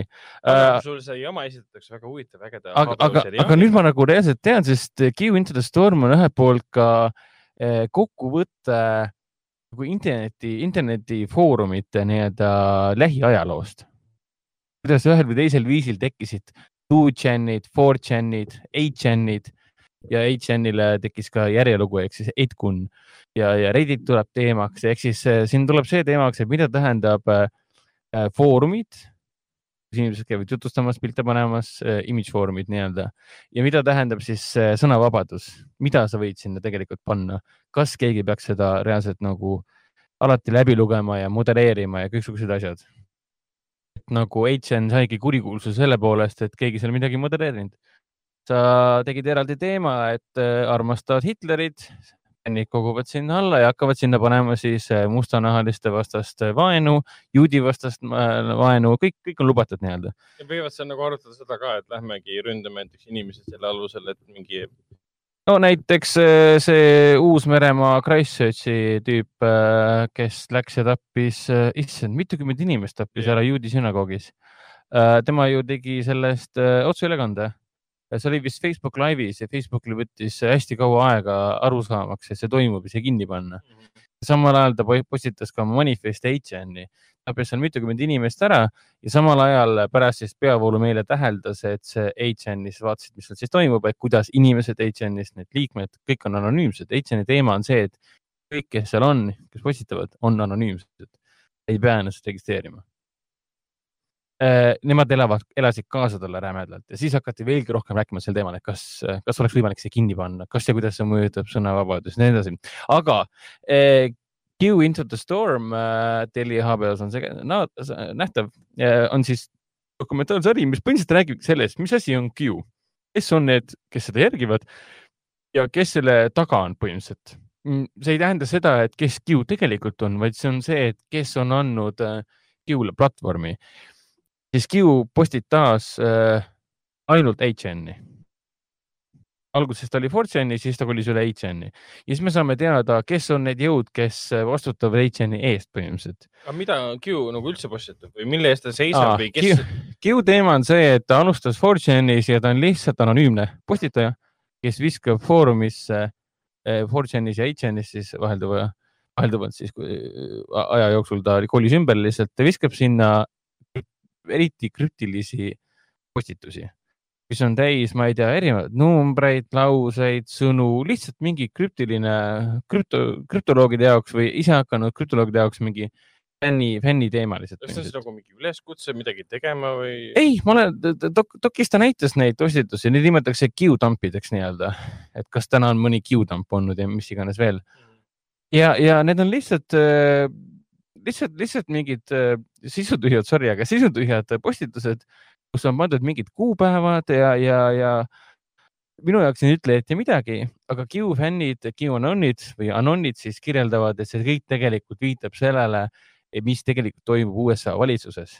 kuidas ma esimest episoodi vaatasin, seal oli ka, et umbes Q tropis niisuguse teksti, et äh, Hillary Clinton põgeneb riigist, äh, varsti vahistatakse mitte kunagi ei juhtu. ja seal on mingid lingid, mis viitavad mingitele muudele viidetele ja inimesed, et nad, et see on üks asi, see, kohe ma räägin siis Hillary Clintoni jamast ja kõik see ka, mida nad usuvad, aga igatahes nad on veendunud, et see on see Q on keegi äh, presidendi lähe, lähikondne nagu Donald Trumpi, Donald Aha. Trumpi ajal siis. ja see on ju enne Donald Trumpi aega ka, et see on keegi, kes on olnud sõna otseses mõttes äh, Valge Maja üks põhiisikuid nii-öelda. keegi, kes on teadlik kõigest sellest, mis toimub nagu kaadri taga. ja tema on teadlik sellest äh, süvariigist ja sellest salajasest sektist, kes omavahel võitlevad nii-öelda et siis süvariik on see, kes tõi koroona, süvariik on see, kes äh, sundis Donald Trumpi maha astuma ja nii edasi. sihuke, sihuke, sihuke räme, kohutav äh,, alusetu jama, mis seal kõik on. aga see on ka asi see, et äh, fännid on need, kes seda tõlgendavad ja üks esimeses osas vist äh, üks tüüp seal ütleski, et Q või Q on on ehk siis need Q-tampid, need Q-postitused võivad sinu jaoks tähendada ükskõik, mida sa tahad, et need sinu jaoks tähendaksid ehk inimesed tõlgendavad selle kuidagi lahti, eh, koondavad teised inimesed oma siis selle eesmärgi taha ja hakkavad siis näiteks ründama kedagi või millegi, midagi selle pärast, mida nad arvasid, et see Q-top tähendas. kui sa ütled millegi kohta niimoodi, nagu ma just ütlesin, et ükskõik, mida sa tahad, et see oleks, siis see tegelikult ei tähenda mitte midagi no,. see on lihtsalt mingi mäng. No siis see on nagu Ancient Aliens juba, et sa vaatad äärel fotot mingisugusest püramiidist ja ütled, et näe, siin on tulnukate nägu, et näe, järelikult tulnukad tegid. usu, mida tahad uh,. aga ja, ei, see on päris pöörane, see on väga hästi tehtud dokumentaalsari. selles mõttes, et ta on päris pöörane, päris vägev, vägevad karakterid, kes selle HN-i ja 4chan'i taga on tegelikult. Väga põnevad tüübid on need, kes selle Q suurimad austajad ja fännid on, kõik need Q-tuuberid, mitte Youtuberid, Youtuberid, vaid Q-tuuberid ja esimeses episoodis ma vaatasin, et tüübid teenivad väga korralikku raha selle yeah, eest. yeah.. Äh, Patreoni kaudu, neil on mingi tuhandeid, tuhandeid jälgijaid, sada tuhat jälg-, nelisada tuhat jälgijat siis Youtube'is ja seal nad nagu räägivadki sellest, et tõlgendavad lahti cute troppe. Yeah., inimesed maksavad neile raha, need on väga edukad. ja nende peamine teooria seisneb siis selles, et, et, et äh, USA süvariik äh, koosneb et Donald Trump on nende kaitsja, nende Jeesus, nende Jumal, eh, nende õilis rüütel, kes võitleb USA õiguste eest, selles, selle eest, mis teeb US ameeriklastest ameeriklase, ameeriklase. ja ta võitleb siis süvariigiga pedofiilidest, vägistajate ja tapjatega, kes armastavad seda teha kõik beebidega see on nende, nende peamine asi, et põhimõtteliselt, kui sa oled näinud seda viimast South Park'i äh, Äh, Pandemic Specialit, siis seal põhimõtteliselt lahati kogu see QAnoni teema ära. nii et kuigi ma, ma olen ju näinud seda South Park'i episoodi, ma mõtlesin, et see on nagu üles puhutud nali. Ai, see tuleb välja, et see kõik on. ja tuleb välja, et see, mida South Park rääkis viimases Pandemic Specialis, vastab kõik tõele. Nad usuvad, et Hillary Clinton käib kuskil äh, Bill Gatesi ja ma ei tea kellega veel kuskil seal pitsabaaris, kuskil keldris äh, väikeseid beebiseid söömas ehk siis kannibalistlik, satanistlik mingi kultus. ja, satani-, no nimetavad seda kaballiks, et satanistlik kultus, mida juhib Hillary Clinton. ahah, pitsarestoranide keldrites? jah. kus see, miks see Meelet... miks just pitsarestoranis? ma ei tea, see on sellepärast, et kuskil vaata need mingi Wikileaksi dokumentidest ilmnes, et äh, Clintonid ja teised olevat siis maininud hästi palju sõna pitsat miskipärast, mingi koodnimetus tõenäoliselt ja siis järeldasid sellest niimoodi okay,. Okay. igatahes see on väga-väga lõbus on see, eriti veel inimesele, kes ei tea mitte muhvigi. Et kui sa ei tea, kes on äh, Ron ja Jim, ärge guugeldage ka enne, kui te pole vaadanud, kui sa ei tea, kes on Ron ja Jim Watkins, siis pärast seda äh, dokumentaalsarja sa tead. kui sa ei tea, kes on Frederick Brennan, oli ta vist nimi kes on 4chan'i looja, äh, siis sa saad teada, sa saad seda väga põhjalikult teada, väga põnevad tegelased, väga äge. ja see kõik tegelikult, nii palju võin öelda, et see kõik jõuab ka täiesti kaasaega, mis puudutab seda, et Stop Steel ja Capitol Hill ehk siis Kapitoolium. ja koroonaviirus ka Eh, ja koroonaviirus ka, et ühelt poolt on see väga lõbus vaatamine, ühelt poolt on see väga musendav vaatamine ja teiselt poolt on see väga ohtlik, eh, millega tegelikult eh, sõnavabaduse nii-öelda lipu all tegelikult internetis on tegeletud. ja see kõik lihtsalt päädib sellega, minu kokkuvõte selle dokumentaalseri puhul on ilma spoileriteta on see, et Äh, kari, liiga, liiga suur kari äh, Trumpi fänn muud ei tee, kui armastavad vandenõuteooriaid ehk siis meeletut, meeletut fantaasiat, aga ainult selleks, et äh, õigustada Trumpi igat käitumist ja liigutust. sest enamik nende jaoks on, kes on Q? no ma arvan, et Donald Trump on. Q on meie, Q on meie juht ja liider, ta on meie, meie Jeesus ja samamoodi on ka Trump. ja nad on valmis uskuma absoluutselt kõike. vahet ei ole, kui hullumeelne, et ma olen seda varemgi öelnud, et nagu need, kes meil siin ka on protesteerinud, et see on hämmastav see, et inimesed on valmis uskuma kõige absurdsemaid fantaasiaid, aga mitte fakte ega reaalsust. et ma ei saa sellest aru. ei no, ei see on, äh, kusjuures, kusjuures ma olen seda kohta lugenud ka, kui ma olen neid anti-vaxxereid on üksteist uurinud uh,. see, see lööb sellesama uh, nagu ma proovin nüüd mitte väga Äh, ajada, aga see tuleb sellest samast kohast, kust tuleb see confirmation bias, kus inimene alustab yeah. paika pandud ideest, hakkab fakte sinna nagu sobitama.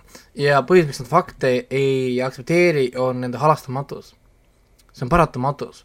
ja, ja siis see tähendaks nagu, et puuduvad kõik muud variandid, saad aru. et see on seesama, miks mm. inimesed otsustavad äh, valida religiooni momentidel, kui neil elus midagi muud pole. see on fakt, et sa oled eluks ajaks pandud vangi siis see idee, see paratamatusega, millega nad seisavad, nagu seisad, see fakt, see nagu välistaks kõik muud imed, siis tal on vaja Jumalat. ja nüüd see Jumal annab talle võimalusi, et äkki ma ikkagi saan välja.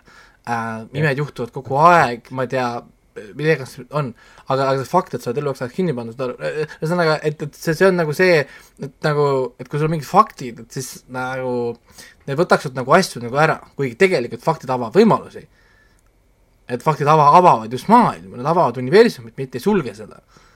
aga, aga selleks, et näha seda, seda, seda universumi avamist, on vaja mõistust ja nojah, sellega on nüüd juba teised loodud. jah, ja umbes sellisel teemal kogu see Q in the Storm räägibki, et väga, väga crazy et ma olin, äh, ta on nii hästi kirjutatud, et kui siin lõpus äh, sarja looja mööda maailma ringi reisib ja siis potentsiaalsete kandidaatidega räägib kes võiks Q olla, äh, siis, siis, siis ma ise ka, äh, noh, Katrin ja Koos põhimõtteliselt nagu naersime ennast kohati nagu laua alla, et siis, kui see režissöör ise teeb intervjuusid ja naerab kõva häälega, siis, siis ja mitte, ta ei naera üle, vaid ka koos nende intervjueeritavatega, siis mina ka samamoodi Katrin ja Koos naersin ennast laua alla, sest kohati see muutus lihtsalt nii absurdseks et inimesed varjavad asju ja teevad näo, et ma ei tea mitte midagi, aga sa näed tema silmist, silmast, kõik nagu sa näed, sa saad kohe aru, et tegelikult ajab sulle täielikku jama. aga ja, väga-väga vinge asi. nii. ma vaatan, vaatan ka kindlasti, kindlasti edasi. ja see on ju, see on ju HBO oma on ju, see on ju jookseb ju. jah, ja HBO-s on ta olemas, mis ta eestikeelne nimi on, Q tormi sees või midagi või uh,? vist oli jah, midagi sellist. mul oli esimese episoodiga oli see, et mul oli keset päeva vaatasin, mõtlesin, et ma vaatan seda liiga üksi, ma vaatasin seda üksi, äh, seda peaks seltskonnaga vaatama, et oleks lõbusam. Äh, ja teiseks ma olin nagu, tundsin, et kohati, et ma olin liiga kaine selle vaatamiseks. Äh, sest, sest asi on selles, et ma ei uskunud seda, asi on selles, et mis kuradi jama ma vaatan, et ma tundsin, et ma pean kuidagi mingi teises meeleolus olema seda vaadata. et see ei ole niimoodi, et sa võtad kohvi kätte hakkad vaatama, uh, milline huvitav dok. see on see, et mis juttu te räägite, kas te ise, mis tegelikult toimub, et ta veel ei suutnud tabada minu seda äh, absurdsuse sellist, sellist, äh, sellist soont, kus ma ehmatan nagu ära, et lõpetage see jama ära, võib-olla teine episood teeb seda. aga jah, oli igatahes äh, tõesti, tõesti äh, hämmastav. aga Hendrik, räägi, räägi meile Jasukesest natukene, mis on Jasuke, Jasuke? kuule, ma jõudsin ainult ühe episoodi vaadata. aga Jasuke on siis. sul on kirjas, et sa vaatasid kaks? ja, ma panin ennatlikult ma tegin küll selle episoodi lahti, teise episoodi ja panin talle paus, aga sa vaatasid siis, sa tegid teise episoodi lahti, vaatasid seda Netflixis järelikult? no Netflix arvab, et ma vaatasin teise osa ära Yasuke on siis Netflix, Netflixi originaalanime. ma ei tea, kas te, kuidas teistel on, on nendel animedel olnud, aga siin seekord oli tõesti reaalselt kirjas niimoodi Netflix original anime oli reaalselt valgel taustal niimoodi välja kirjutatud, enne kui see episood algas. Total oli nii ju? Ma ei ole kindel. ei, on küll, nendel tuleb ette, tihtipeale tuleb ikka, aga neil, neil tuleb lihtsalt nagu Netflix original tuleb. või siis mõnikord ongi nagu original film või original series yeah.. väga harva, ma ei tea, mille, mille järgi nad neid valivad, kas siis, mis tingimustel see peab olema, aga, aga vahepeal ikka tuleb, jah ja Yasuke räägib siis äh, Jaapani äh, aafriklasest samuraist, mhm.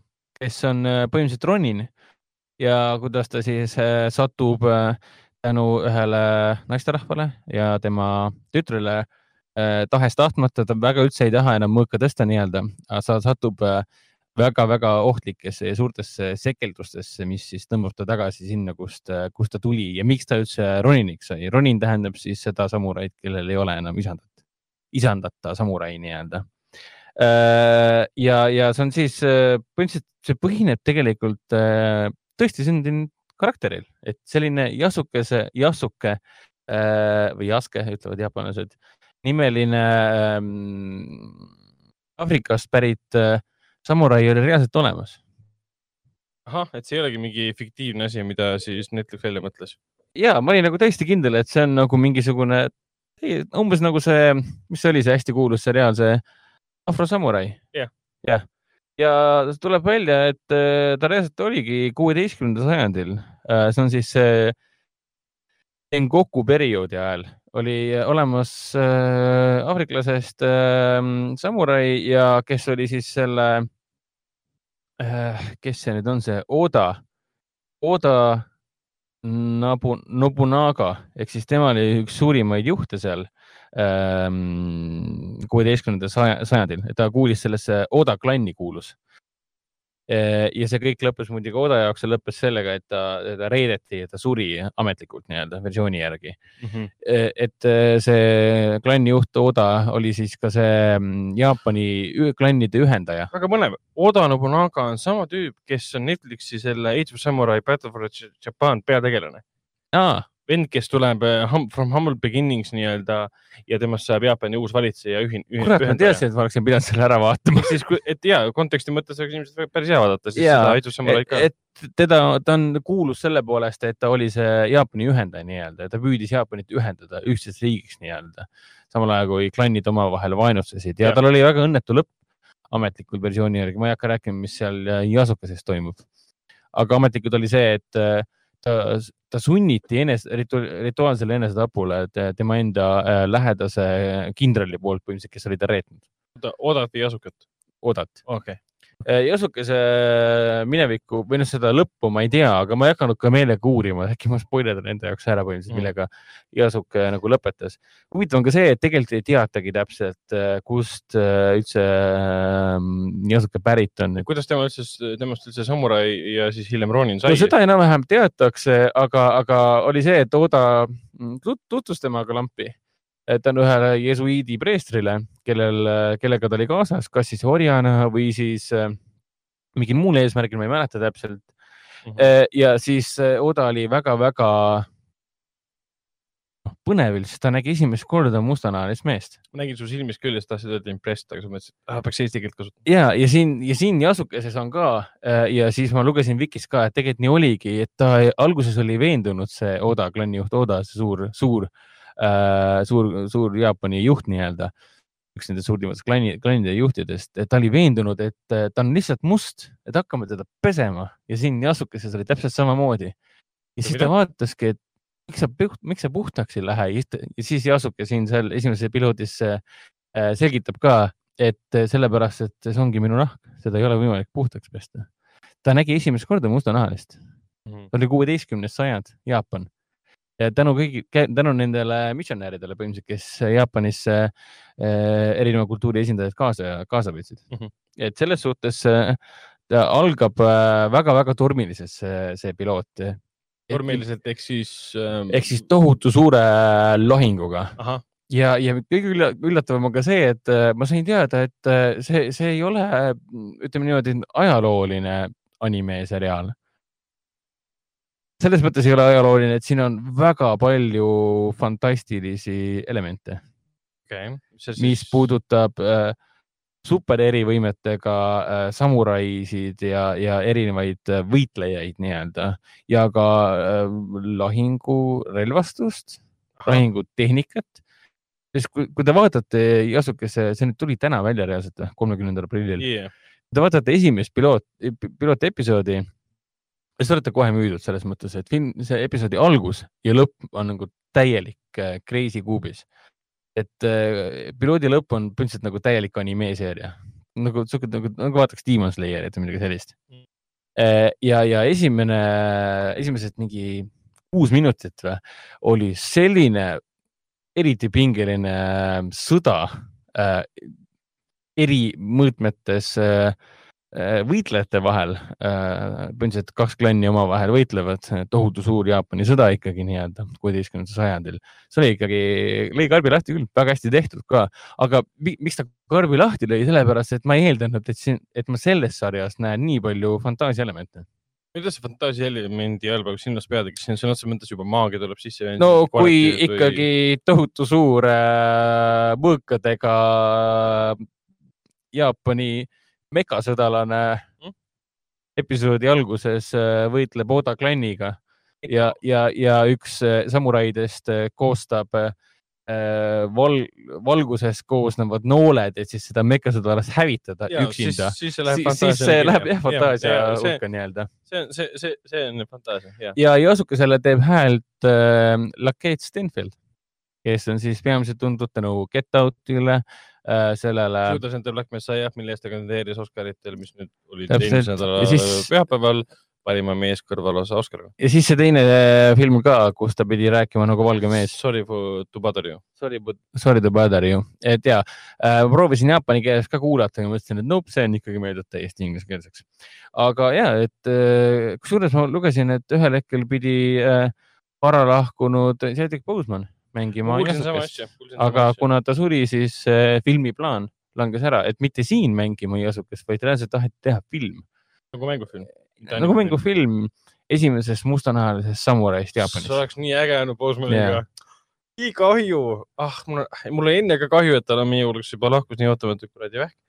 aga, aga see oleks päris äge, see oleks väga äge film olnud, eriti tema, tema karismaga näitleja oh jaa, eks see kindlasti, kindlasti veel tuleb ja ma arvan, et Keith Stanfield, kui ta on väga karismaatiline näitleja ja ennast mingit pahviks samuraiks teeb, siis see mängufilm võib päris äge olla. jah äh,, aga ja mina olin äh, väga üllatunud äh,, kui, kui intensiivne ja, ja noh, verine ja, ja hästi stiilselt ja väga vinged ja hästi lavastatud kogu see asi oli äh,. see Yasuke, muidugi ma ei otseselt üllatunud, sest see on nagu Netflixi kvaliteet ka, et noh, paned Castlevania tööle Äh, paned siin vahepeal selle mm, mille iganes, Dota tööle, kõik on jumala, kõik need animeeseeriad on Netflixil nii hästi tehtud. aga Yasuke oli puhtalt sellepärast äge, et siin on niisugune, kuidas seda öelda mm,, Black, musta, Black Pantherlik muusika isegi mm -hmm. kohati mõte sellel on see, et niisugune niisugune smooth jazz lööb sisse, kui, kui tema on tegutsemas või isegi selles suures lahingutseenis, mis äh, episoodi alguses on. ja ta kohati, ma tabasin ennast mõttelt, et huvitav, kas see on nagu Black Panther Jaapanis või? Kohati ta mõjus umbes selline samastiilselt, mäletad Black Pantherit, et ja. kui, kui ta läks enda, enda koju põhimõtteliselt sinna Wakandasse, siis tuli niisugune mõnusalt äge niisugune hip-hopilik muusika. sama muusika oli kasutuses ka, kui nad olid seal, kus, iganes nad olid Hongkongis ja seal kasiinovõitlus oli. ja täpselt selline ja siis sellised äh, traditsioonilised äh, muusikariistad, et luua ägedat muusikat nii-öelda neile iseloom, nende kultuurile iseloomulik ja siin oli umbes sama tunne, siis ma tundsin ennast tõesti nagu, ütlesin nagu Must Panther Jaapanis, see on väga hea idee. Okei okay,, võtan ette, võtan ette. see oli siis, see oli siis Yasuke, mis alustas Netflixis äh, kolmekümnendal aprillil. jah, täpselt nii mina tahaksin veel ära mainida mm, Youtube'is oleva lühifilmi Colette Äh, mis võitis siis nüüd möödunud Oscaritel parima äh, lühidokumentaalfilmi Oscari. Äh, Colette on siis toodetud Oculus'e Oculus Rifti tootja siis ja Respawn Entertainmenti, mis on siis EA-le kuuluv äh, stuudio, kes on meieni toonud äh, äh, Titanfall ühe Titanfall kahe äh,. Nemad tegid siis Oculus ja Respawn tegid koos äh, mängu nimega Medal of Honor Above and Beyond, Beyond, mis on siis VR-mäng, ainult Oculus'i jaoks, see, seda ei ole Playstation äh, neli äh, nagu VR-il äh,. ja selle VR-mängu raames sinna tehti ka selline Gallery, The Gallery nimeline lisa, kust ilmusid erinevad dokumentaalfilmid lühikesed siis, kahekümne minutilised. üks neist, üheks neist oli Colette, mis oli eraldi lavastatud dokumentaalfilm naisest nimega Colette, kes on nüüd juba vanas kõrges eas, kes võtab vastu otsuse, et läheb koos oma tütrega siis Saksamaale koonduslaagrisse, kus tema vend suri. Colette ise elas siis Prantsusmaal või elab Prantsusmaal ja oli siis teise maailmasõja ajal, kui ähm, äh, Prantsusmaa kapituleerus äh,, natside poolt üle võeti, tema oli seal siis äh, Prantsuse vastupanu võitluse liige Äh, kuigi noh, ta ise ütles seal ka, et teised olid kangelased, tema oli üks, kes tegi no, Reconi nii-öelda vaatluse, umbes, et ta ei olnud äh, väga mingi väga suur võitleja seal. Aga ta oli osaline sellest ja tema vend siis viidi minema koonduslaagrisse. ma ei mäleta koonduslaagri nime konkreetselt enam, aga, aga seal oligi jah, tema vend ehitas neid V2 rakette. see olid need esimesed äh, ülekontinentaalsed siis äh, raketid.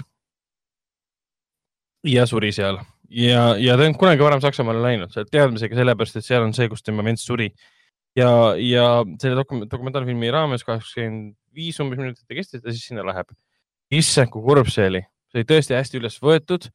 teeb tütre kõik need kohad läbi, kus tema vend siis töötas ja kus ta siis eh, teda piinati ja, ja, ja kui see ligemale üheksakümne aastane naine seal siis mõtleb oma vennale ja siis ütleb tütrele, et ära vaata minu poole, mine ära ja läheb vaikselt kuskile puu alla nutma.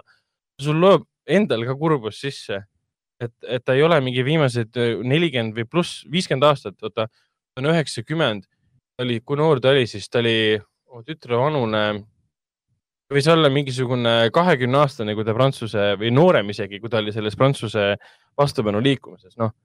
ei ole mingisugune seitsekümmend aastat oma venda näinud põhimõtteliselt ja see lõpuks läheb sinna kohta, kus ta on lähim, lähim side oma vennaga on siis see, et ma tean, et ta siin töötas ja siin ta suri.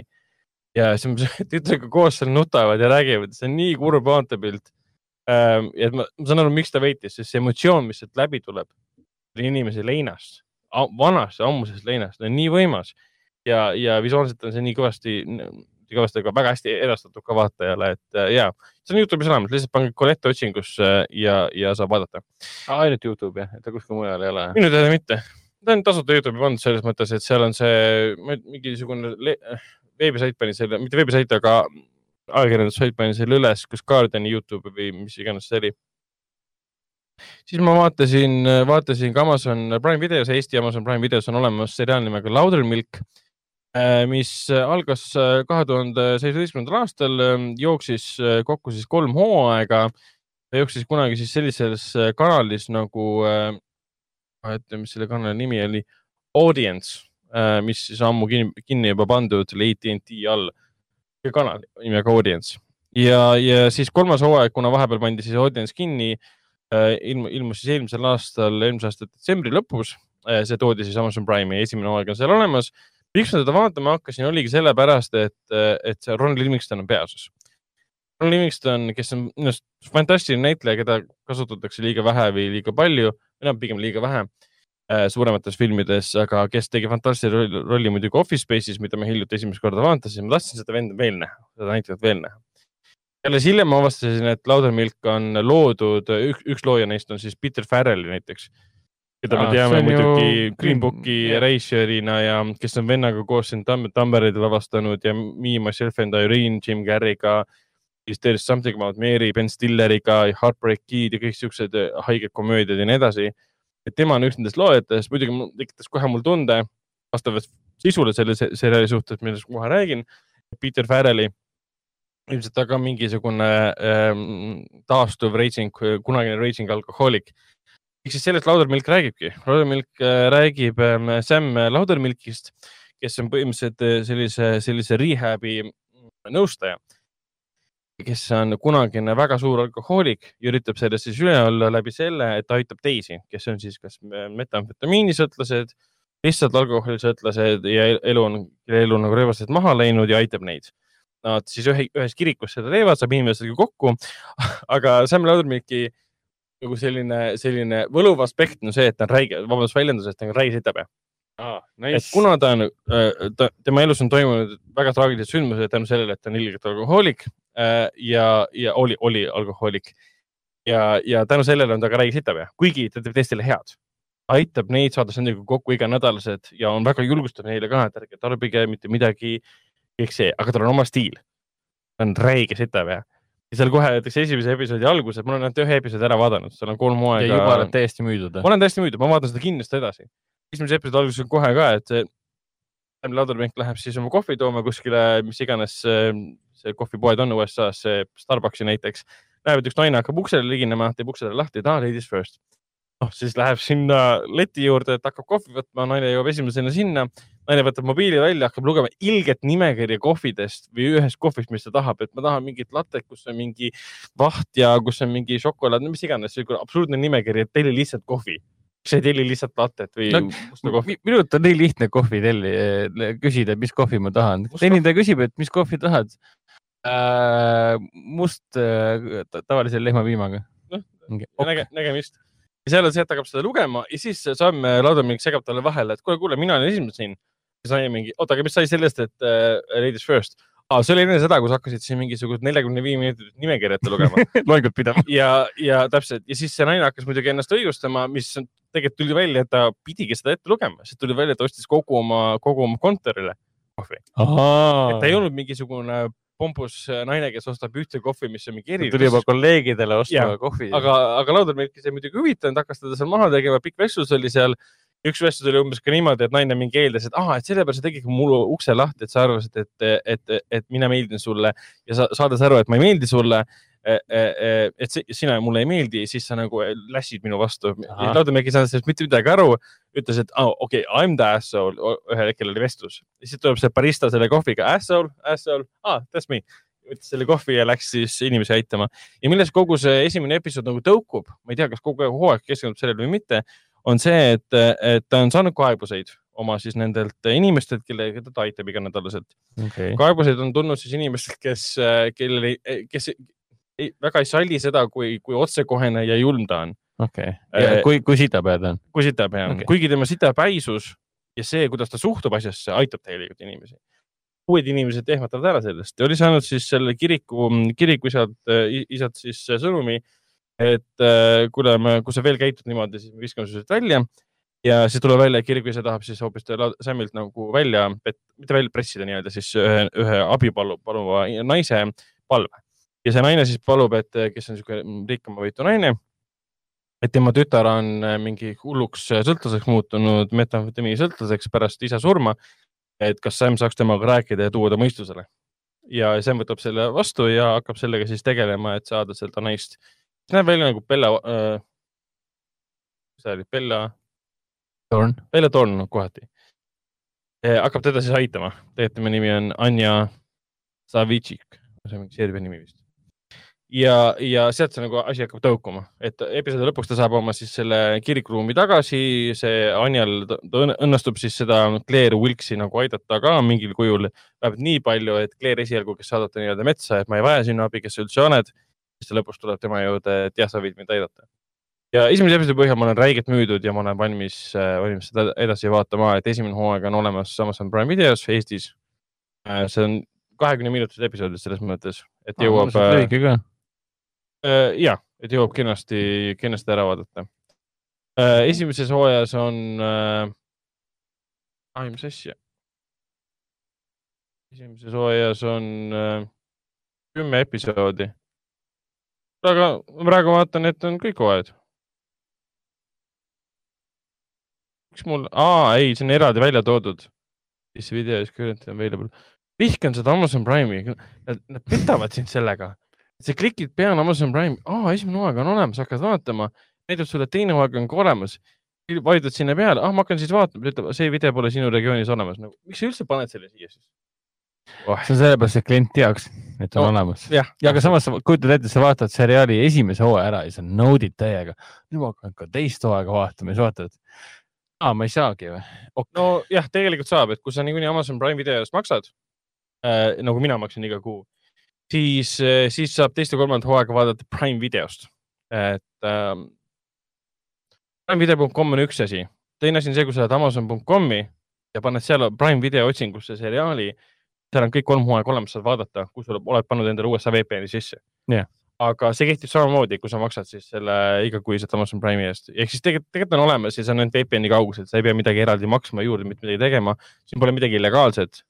umbes nagu USA Netflixi tuli see Stowaway, et ma saan seda praegu seal vaadata, kui ma tahan.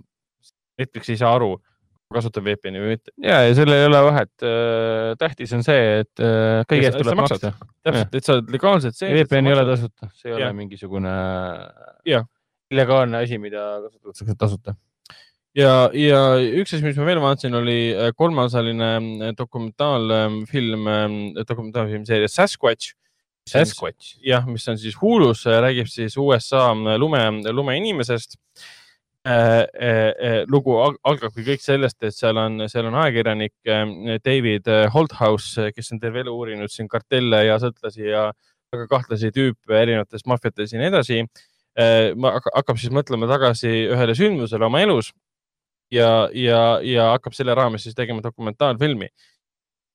Episoodid on siis olemas Hulus, iga episood on siis kokku, äh, ma kohe vaatan, nelikümmend neli minutit umbes. ja see äh, alguses selgitab ka, et selles mõttes jääb mulje, et seriaal räägib äh,, äh, jääb mulje, et äh, seriaal räägib lumeinimesest ja filmi, see seriaali poster on ka lumeinimene, kõik no, see. jah, siin on ju kirjas, et on äh, Sasquatch jah, ja David Holthouse, äh, kes on üldse väga huvitava inimesega ajakirjanik, alguses meenutab ka, kuidas ta üheksakümnendatel oli kuskil mägedes. veetis aega ühe Dope äh, Farmeri juures. Ja, ja, ja see Dope Farmer mm, oli noh, dopehead nii-öelda ka, veetis tema juures aega, oli ise ka tarbinud natukene kannepit, see, see toona siis, kui noh, siiamaani äh, mägedes siis Emerald Triangle'i mägedes, see on siis, see oli Põhja-California vist või? Äh, äh, kasvatati äh, hullumeelses kogudes siis ähm, kanepit ja ta veetis ühel õhtul seal aega, oli vihmane, vihmane öö ja siis ühel hetkel tuli mingi maja auto ette. see on jah piirkond Californias, Emerald Triangle. üks auto tuli sinna maja ette ja mingid tüübid tulid sealt uksest sisse, hakkasid karjuma, et Bigfoot killed them, Bigfoot killed them või Sasquatch killed them.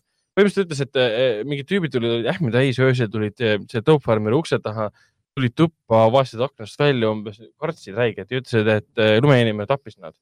Küsisin, mis mõttes tappis ah,? me käisime just meie seal majas, kus on meie tõup, et kõik kanepitaimi midagi polnud hävitatud, midagi polnud kaasa võetud, aga me leidsime äh, meie kolm töötajat, kes tükkideks rebitud.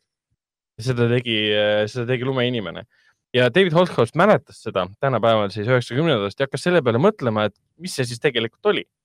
kas see oli lumeinimene siis ta läkski sinna Põhja-Californiasse, kus on kõik pärit kõik kuulsad ähm, äh, lumeinimese videod, algupärased materjalid kuskil kuuekümne, seitsmekümnendatest. teeme seda ühte, ühte kõige legendaarsemat pilti näiteks. see, kus ta kõnnib jah, see pilt, see, see oli isegi video. täpselt ja ta hakkaski sellesse, sellesse, sellesse, sellesse mütoloogiasse nagu sisenema. et aru saada, kas siis on olemas lumeinimene, kes tappis üheksakümnendatel kolm Dope Farmeri töölist ja, ja mis välja tuleb sealt, ma soovitan ise ära vaadata, kui üldse on võimalik, mis välja tuleb, et, ähm, et selle taga on hoopis midagi enamat. selle taga on midagi, midagi enamat ja midagi palju jõudsamat ja jubedamat kui mingi karvane humanoidne, karvane äh, äh, humanoidne olend kuskil California metsades, kes sind võib-olla taga ajab. okei okay,, say no more selles mõttes, ma eeldan yeah., et see on väga hea asi, mis sa vaatasid. see on väga hea asi, ma olen näinud IMDB-s, et inimesed on ära nagu vihastanud ennast, et issand jumal posteri peal, see on vale reklaam, posteri peal on Sasquatch ja, ja igal pool treileris on Sasquatch, hakkan vaatama, siin ei ole ju seda. see on vale reklaam ja teised ütlevad, et see on nii hea ja tegelikult see, see, see dok, dokseriaal nagu avab seda Põhja-California maailma, millest mina mitte midagi teadnud. üheksakümnendate eh, kanepi kasvandus metsades, punkrites, eh, kõik see üheksakümnendate mm, selle metamfetamiini, kokaiini ajastul, kuidas nad kasvatasid seda. mingid kuidas... crack house'id ja kõiksugused asjad ei, mitte crack house. ei, ma mõtlen crack'i tootmine. ei, nad crack'i ei tootnud, nad ikkagi räige, ainult kanep ise tarbisid kanepit ja, ja, ja kokaiini ka räigelt, aga mõni ime, et sa lasid lume inimest metsast ehk. ja, ja see on üks element, mida, mida peab arvestama, kui sa üheksakümnendat alates on räigelt kasvatatud niimoodi, et metsalagedik on tegelikult paksult täis äh, kanepitaimi, aga need on väga osavalt sinna sisse peidetud, kui helikopter üle läheb, siis ta ei saa aru, et seal on midagi ja punkrid on mägede sisse tehtud, kus nad seda kasvatavad ja valvavad oma alasid. Ja siin on hästi palju meiklusi sinna läinud, sest see on easy money selles mõttes, et sa teed küll tööd võib-olla teiste jaoks ja põllu peal töötad, sõna otseses mõttes korjad mm -hmm. kanepit ja lähed seda pärast müüd. Et äh, ma ei taha rohkem rääkida sellest jah, aga see maailm oli, mida ta lahkas, väga huvitav ja ta muutus kohati väga-väga selliseks jubedaks. Tüübid, kellega nad kohtuvad, kohtuvad ka Sasquatchiga, ma võin seda öelda.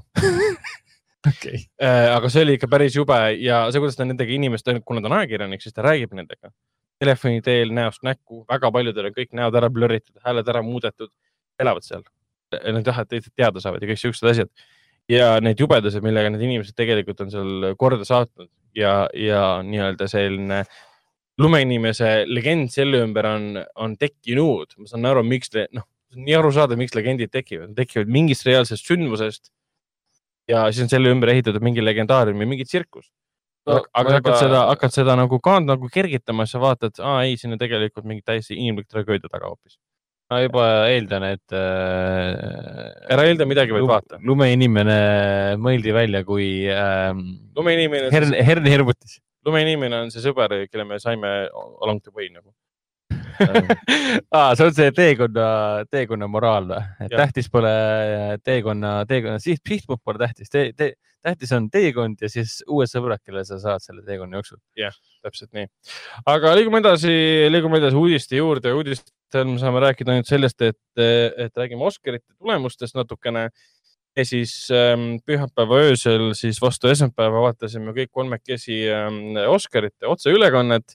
mida poleks pidanud tegelikult tegema, sest ja. Oscarite ülekanne, ülekande, ülekande või noh, show kvaliteet oli see oleks võinud olla kõik email lihtsalt. et nagu, nagu, nagu Raiko ütles, et sa, sama asi oleks võinud aset leida kuskil Keila vallamajas, et noh. jah, aga me siis seda öösel vaatasime ja see oli siis, meil on artikkel ka olemas selles blogis, kus me kirjutasime siis kinoveebi blogi äh, fot, äh, blogi ja fotod selgusid tänased äh, tänavused Oscari võitjad äh, ja nii edasi, et selle leiab päris kiiresti, kiiresti üles äh,. Äh, mis me siis sellest Oscaritest arvame? Ma ütlen kohe alguses ära, et äh, ühe, mis see oli, üheksakümne kolmandad Oscarid või? jah, üheksakümne kolmandad Oscarid, mina olin võitjatega väga rahul ja see ei, ei vaidle mina vastu. olin äh, võitjatega rahul sellepärast, et äh, filmide valik oli suurepärane. Enamus kategooriates olid fantastilised filmid, enamus kategooriates võitsid, peaaegu kõikides kategooriates võitsid need filmid, mis võitma pidid. see, see, no, see on välja see... arvatud see, et Wolf Walkeris ei saanud parimat animatsiooni ja. nojah, noh jah, Pixar võidab alati parima animatsiooni, nii et selles ei ole mingit üllatust. ja siin okei okay,, palju agasid ka aga ma ei taha üldse kritiseerida seda, mis puudutas võitjaid, minu arust kõik absoluutselt Nomaadi maaväes kõik auhindad, fantastiline film. Äh,. mis mind häiris kogu selle asja juures, oli kogu selle asja ülesehitus. Ja väga ühesuunaline ülesehitus teatud filmidele ja, ja kultuuridele, mis mind häiris, oli kogu selle show lõpp ah,. mis oli nii häbitu. katse. katse lihtsalt. kasseerida nagu, Chadwick Bosemani surma pealt. jaa et see, see, see peaks olema akadeemia nagu aasta suurim sündmus, mis tähistab äh, filmikunsti ja nad üritasid ilmselgelt väga nagu, nagu ühegi häbitundeta teenida selle pealt. No, olid isegi mingi, ma ei tea, mis asi on NFT, mingi kunstid välja andnud uh,. see on ja..., NFT on see non uh see on igatahes mingi kingipakk, mis sulle kaasa antakse. ja, aga seal on mingi kunstipildid olid seal siis nagu Chadwick Bosemanist Nad olid kaasa pandud sinna mm.. nojah. ja ma ei tea, mis see NFT, NFT täpselt on. sa, sa, sa mõtled, sa mõtled see digi-, digitaalne kunst või? ja, mingi digitaalne kunst. see on mingi, mingi non, mingi fundable token või run, mingi asi ta on. NFT no,. mis iganes, mingi asi, millest mina vana inimesena ei tea mitte midagi. aga ah,. Non-fungible token või? jah, siuksed, aga nad olid meelega sinna pandud, sest nad eeldasid et eh, parima meeskõrvalosa või tähendab meespeaosa Oscari saab Chadwick Boseman Netflixi filmi äh, Marines Black Bottom eest. seetõttu pandi ka õhtu viimaseks kategooriaks parim meespeaosa, mida viimati juhtus mingisugune kolmkümmend, nelikümmend, viiskümmend aastat tagasi, ma ei tea täpselt, aga ühe korra on seda varem veel olnud.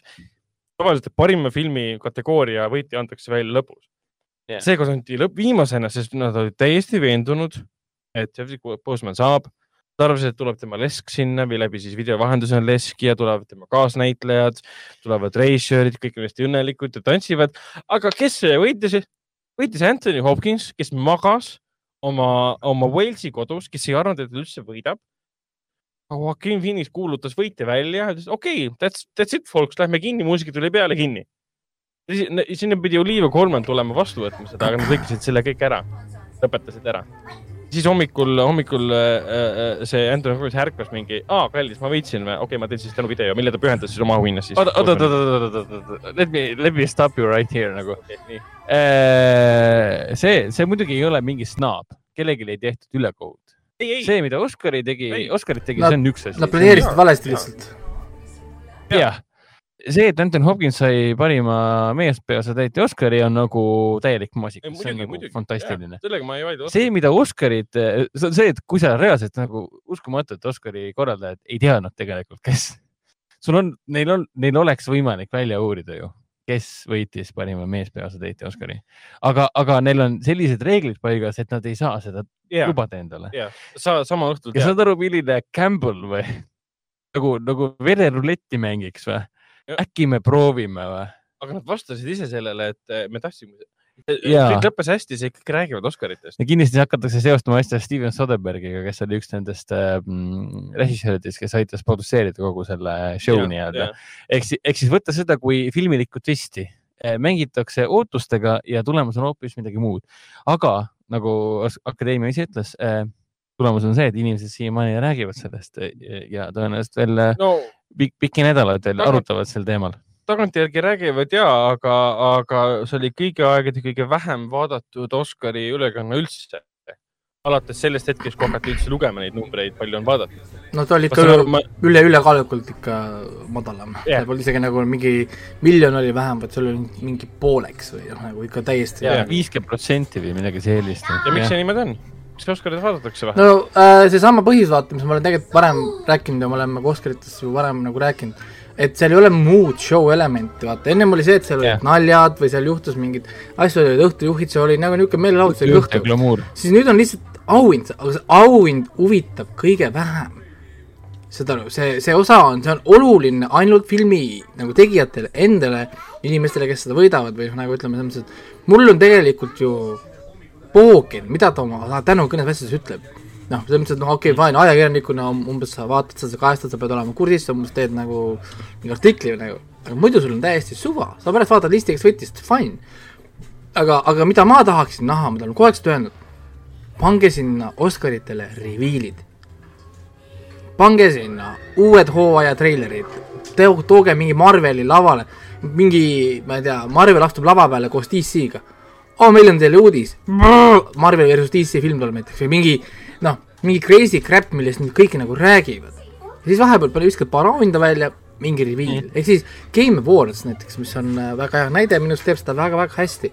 see on, see on nii haibitud event, ta saab kogu aeg järjest rohkem ja rohkem nagu vaatamisi ja tegelikult ma räägin, inimesed vaatavad isegi auhindade pärast. selles mõttes ka jaa, kui nad seal juba on, nad vaatavad nagu auhindu jaa aga, aga, aga see ei ole see, mille pärast nad tullakse. sest auhind huvitab kõige-kõige vähem, mul on, mul on, mul on meeles see, kes iganes seda ütles, kas oli Ricky Gervais või whatever, et, et äh, Oscarid on ju, miljonärid kiidavad teisi miljonäre, andes üksteisele kuldseid no, mehikesi. no täpselt. kuidas see minusse nagu puutub või, või mis selle nagu noh, mis selle nagu väärtus nagu minu tavavaatajaks on? kus on see lahe õhtujuht, kes teeb naljakaid monolooge või, või, või, või stand-up'e, kellel on Täpselt. mingid vahesketšid mingid muusikalava, mingid show'd, neid pole, kõik on ära jäetud. ja meelelahutus, muusikalinumbrid, kõik see peab olemas olema mm.. see, et te no. teete Red Carpetil selle asja ära, ei ole, pole üldse uudis ja huvitav. me kõik mäletame siiamaani, kui Seth MacFarlane tegi alguse selle show. laulis, ja kus ta laulis, jah, jah, see oli nii kihvt, nende naiste, nende naiste näod kõigil oli holy shit jaa, aga sihukest asja pole enam olnud, aga okei okay,, siin kaks tuhat üheksateist aasta Oscarid mulle meeldisid, sellepärast et seal Star Wars pool sai palju Oscareid. Äh, Lady Gaga ja Bradley, Bradley Cooperi esitus oli väga kena ja ilus. kes seal üldse olid nüüd uh,? õhtujuht, õhtujuht. ei olnud, ei olnud. oota, aga kaks tuhat kakskümmend? õhtujuht kadus ära, siis oli kaks tuhat kaheksateist Oscaritel. aa, juba nii ammu? kaheksateist, üheksateist äh, ja ei, üheksateist, kakskümmend ja kakskümmend üks, kolmas kord, kui pole nüüd. kindel jah? ja, praegu oli kolmandat okay. Oscarit, kui pole õhtu õhtu. Jeesus. Aga jah äh,, äkki lõpeb nüüd kokku või, kolm, kolm tundi põhimõtteliselt täis äh, saate, saate kestusega, et mul siin, mul siin taga, taga on kuulda, kuulda ka juba siin äh, publiku hääli vaikselt elu, elu, eluõied. eluõied. jah, et, et, et, et kui üks kipsist just taastub, hakkab vaikselt uuesti kõndima, siis järgmine hakkab alles kipsiga harjuma. kohta. et, et, et jah, me siin naisega tegime nalja, et meie mingit aasta vanemate nagu nii-öelda kandidatuuri endale üles seadma ei hakka, sest kui, kui me, kui me, kui me saame siis varsti endale traumapunktis mingi kliendi, kliendikaardi, siis äh, ei, ei, ei, ei ole, ei ole nagu mõtet sinna, sinna nokkima minna, et ja, ja, ja, ja. vot, aga siis, eh, siis teemegi niimoodi, et kohtume teiega juba järgmisel eh, korral, kui me räägime uutest filmidest ja uutest, uutest seriaalidest. teeme nii. tšau. tšau. tšau.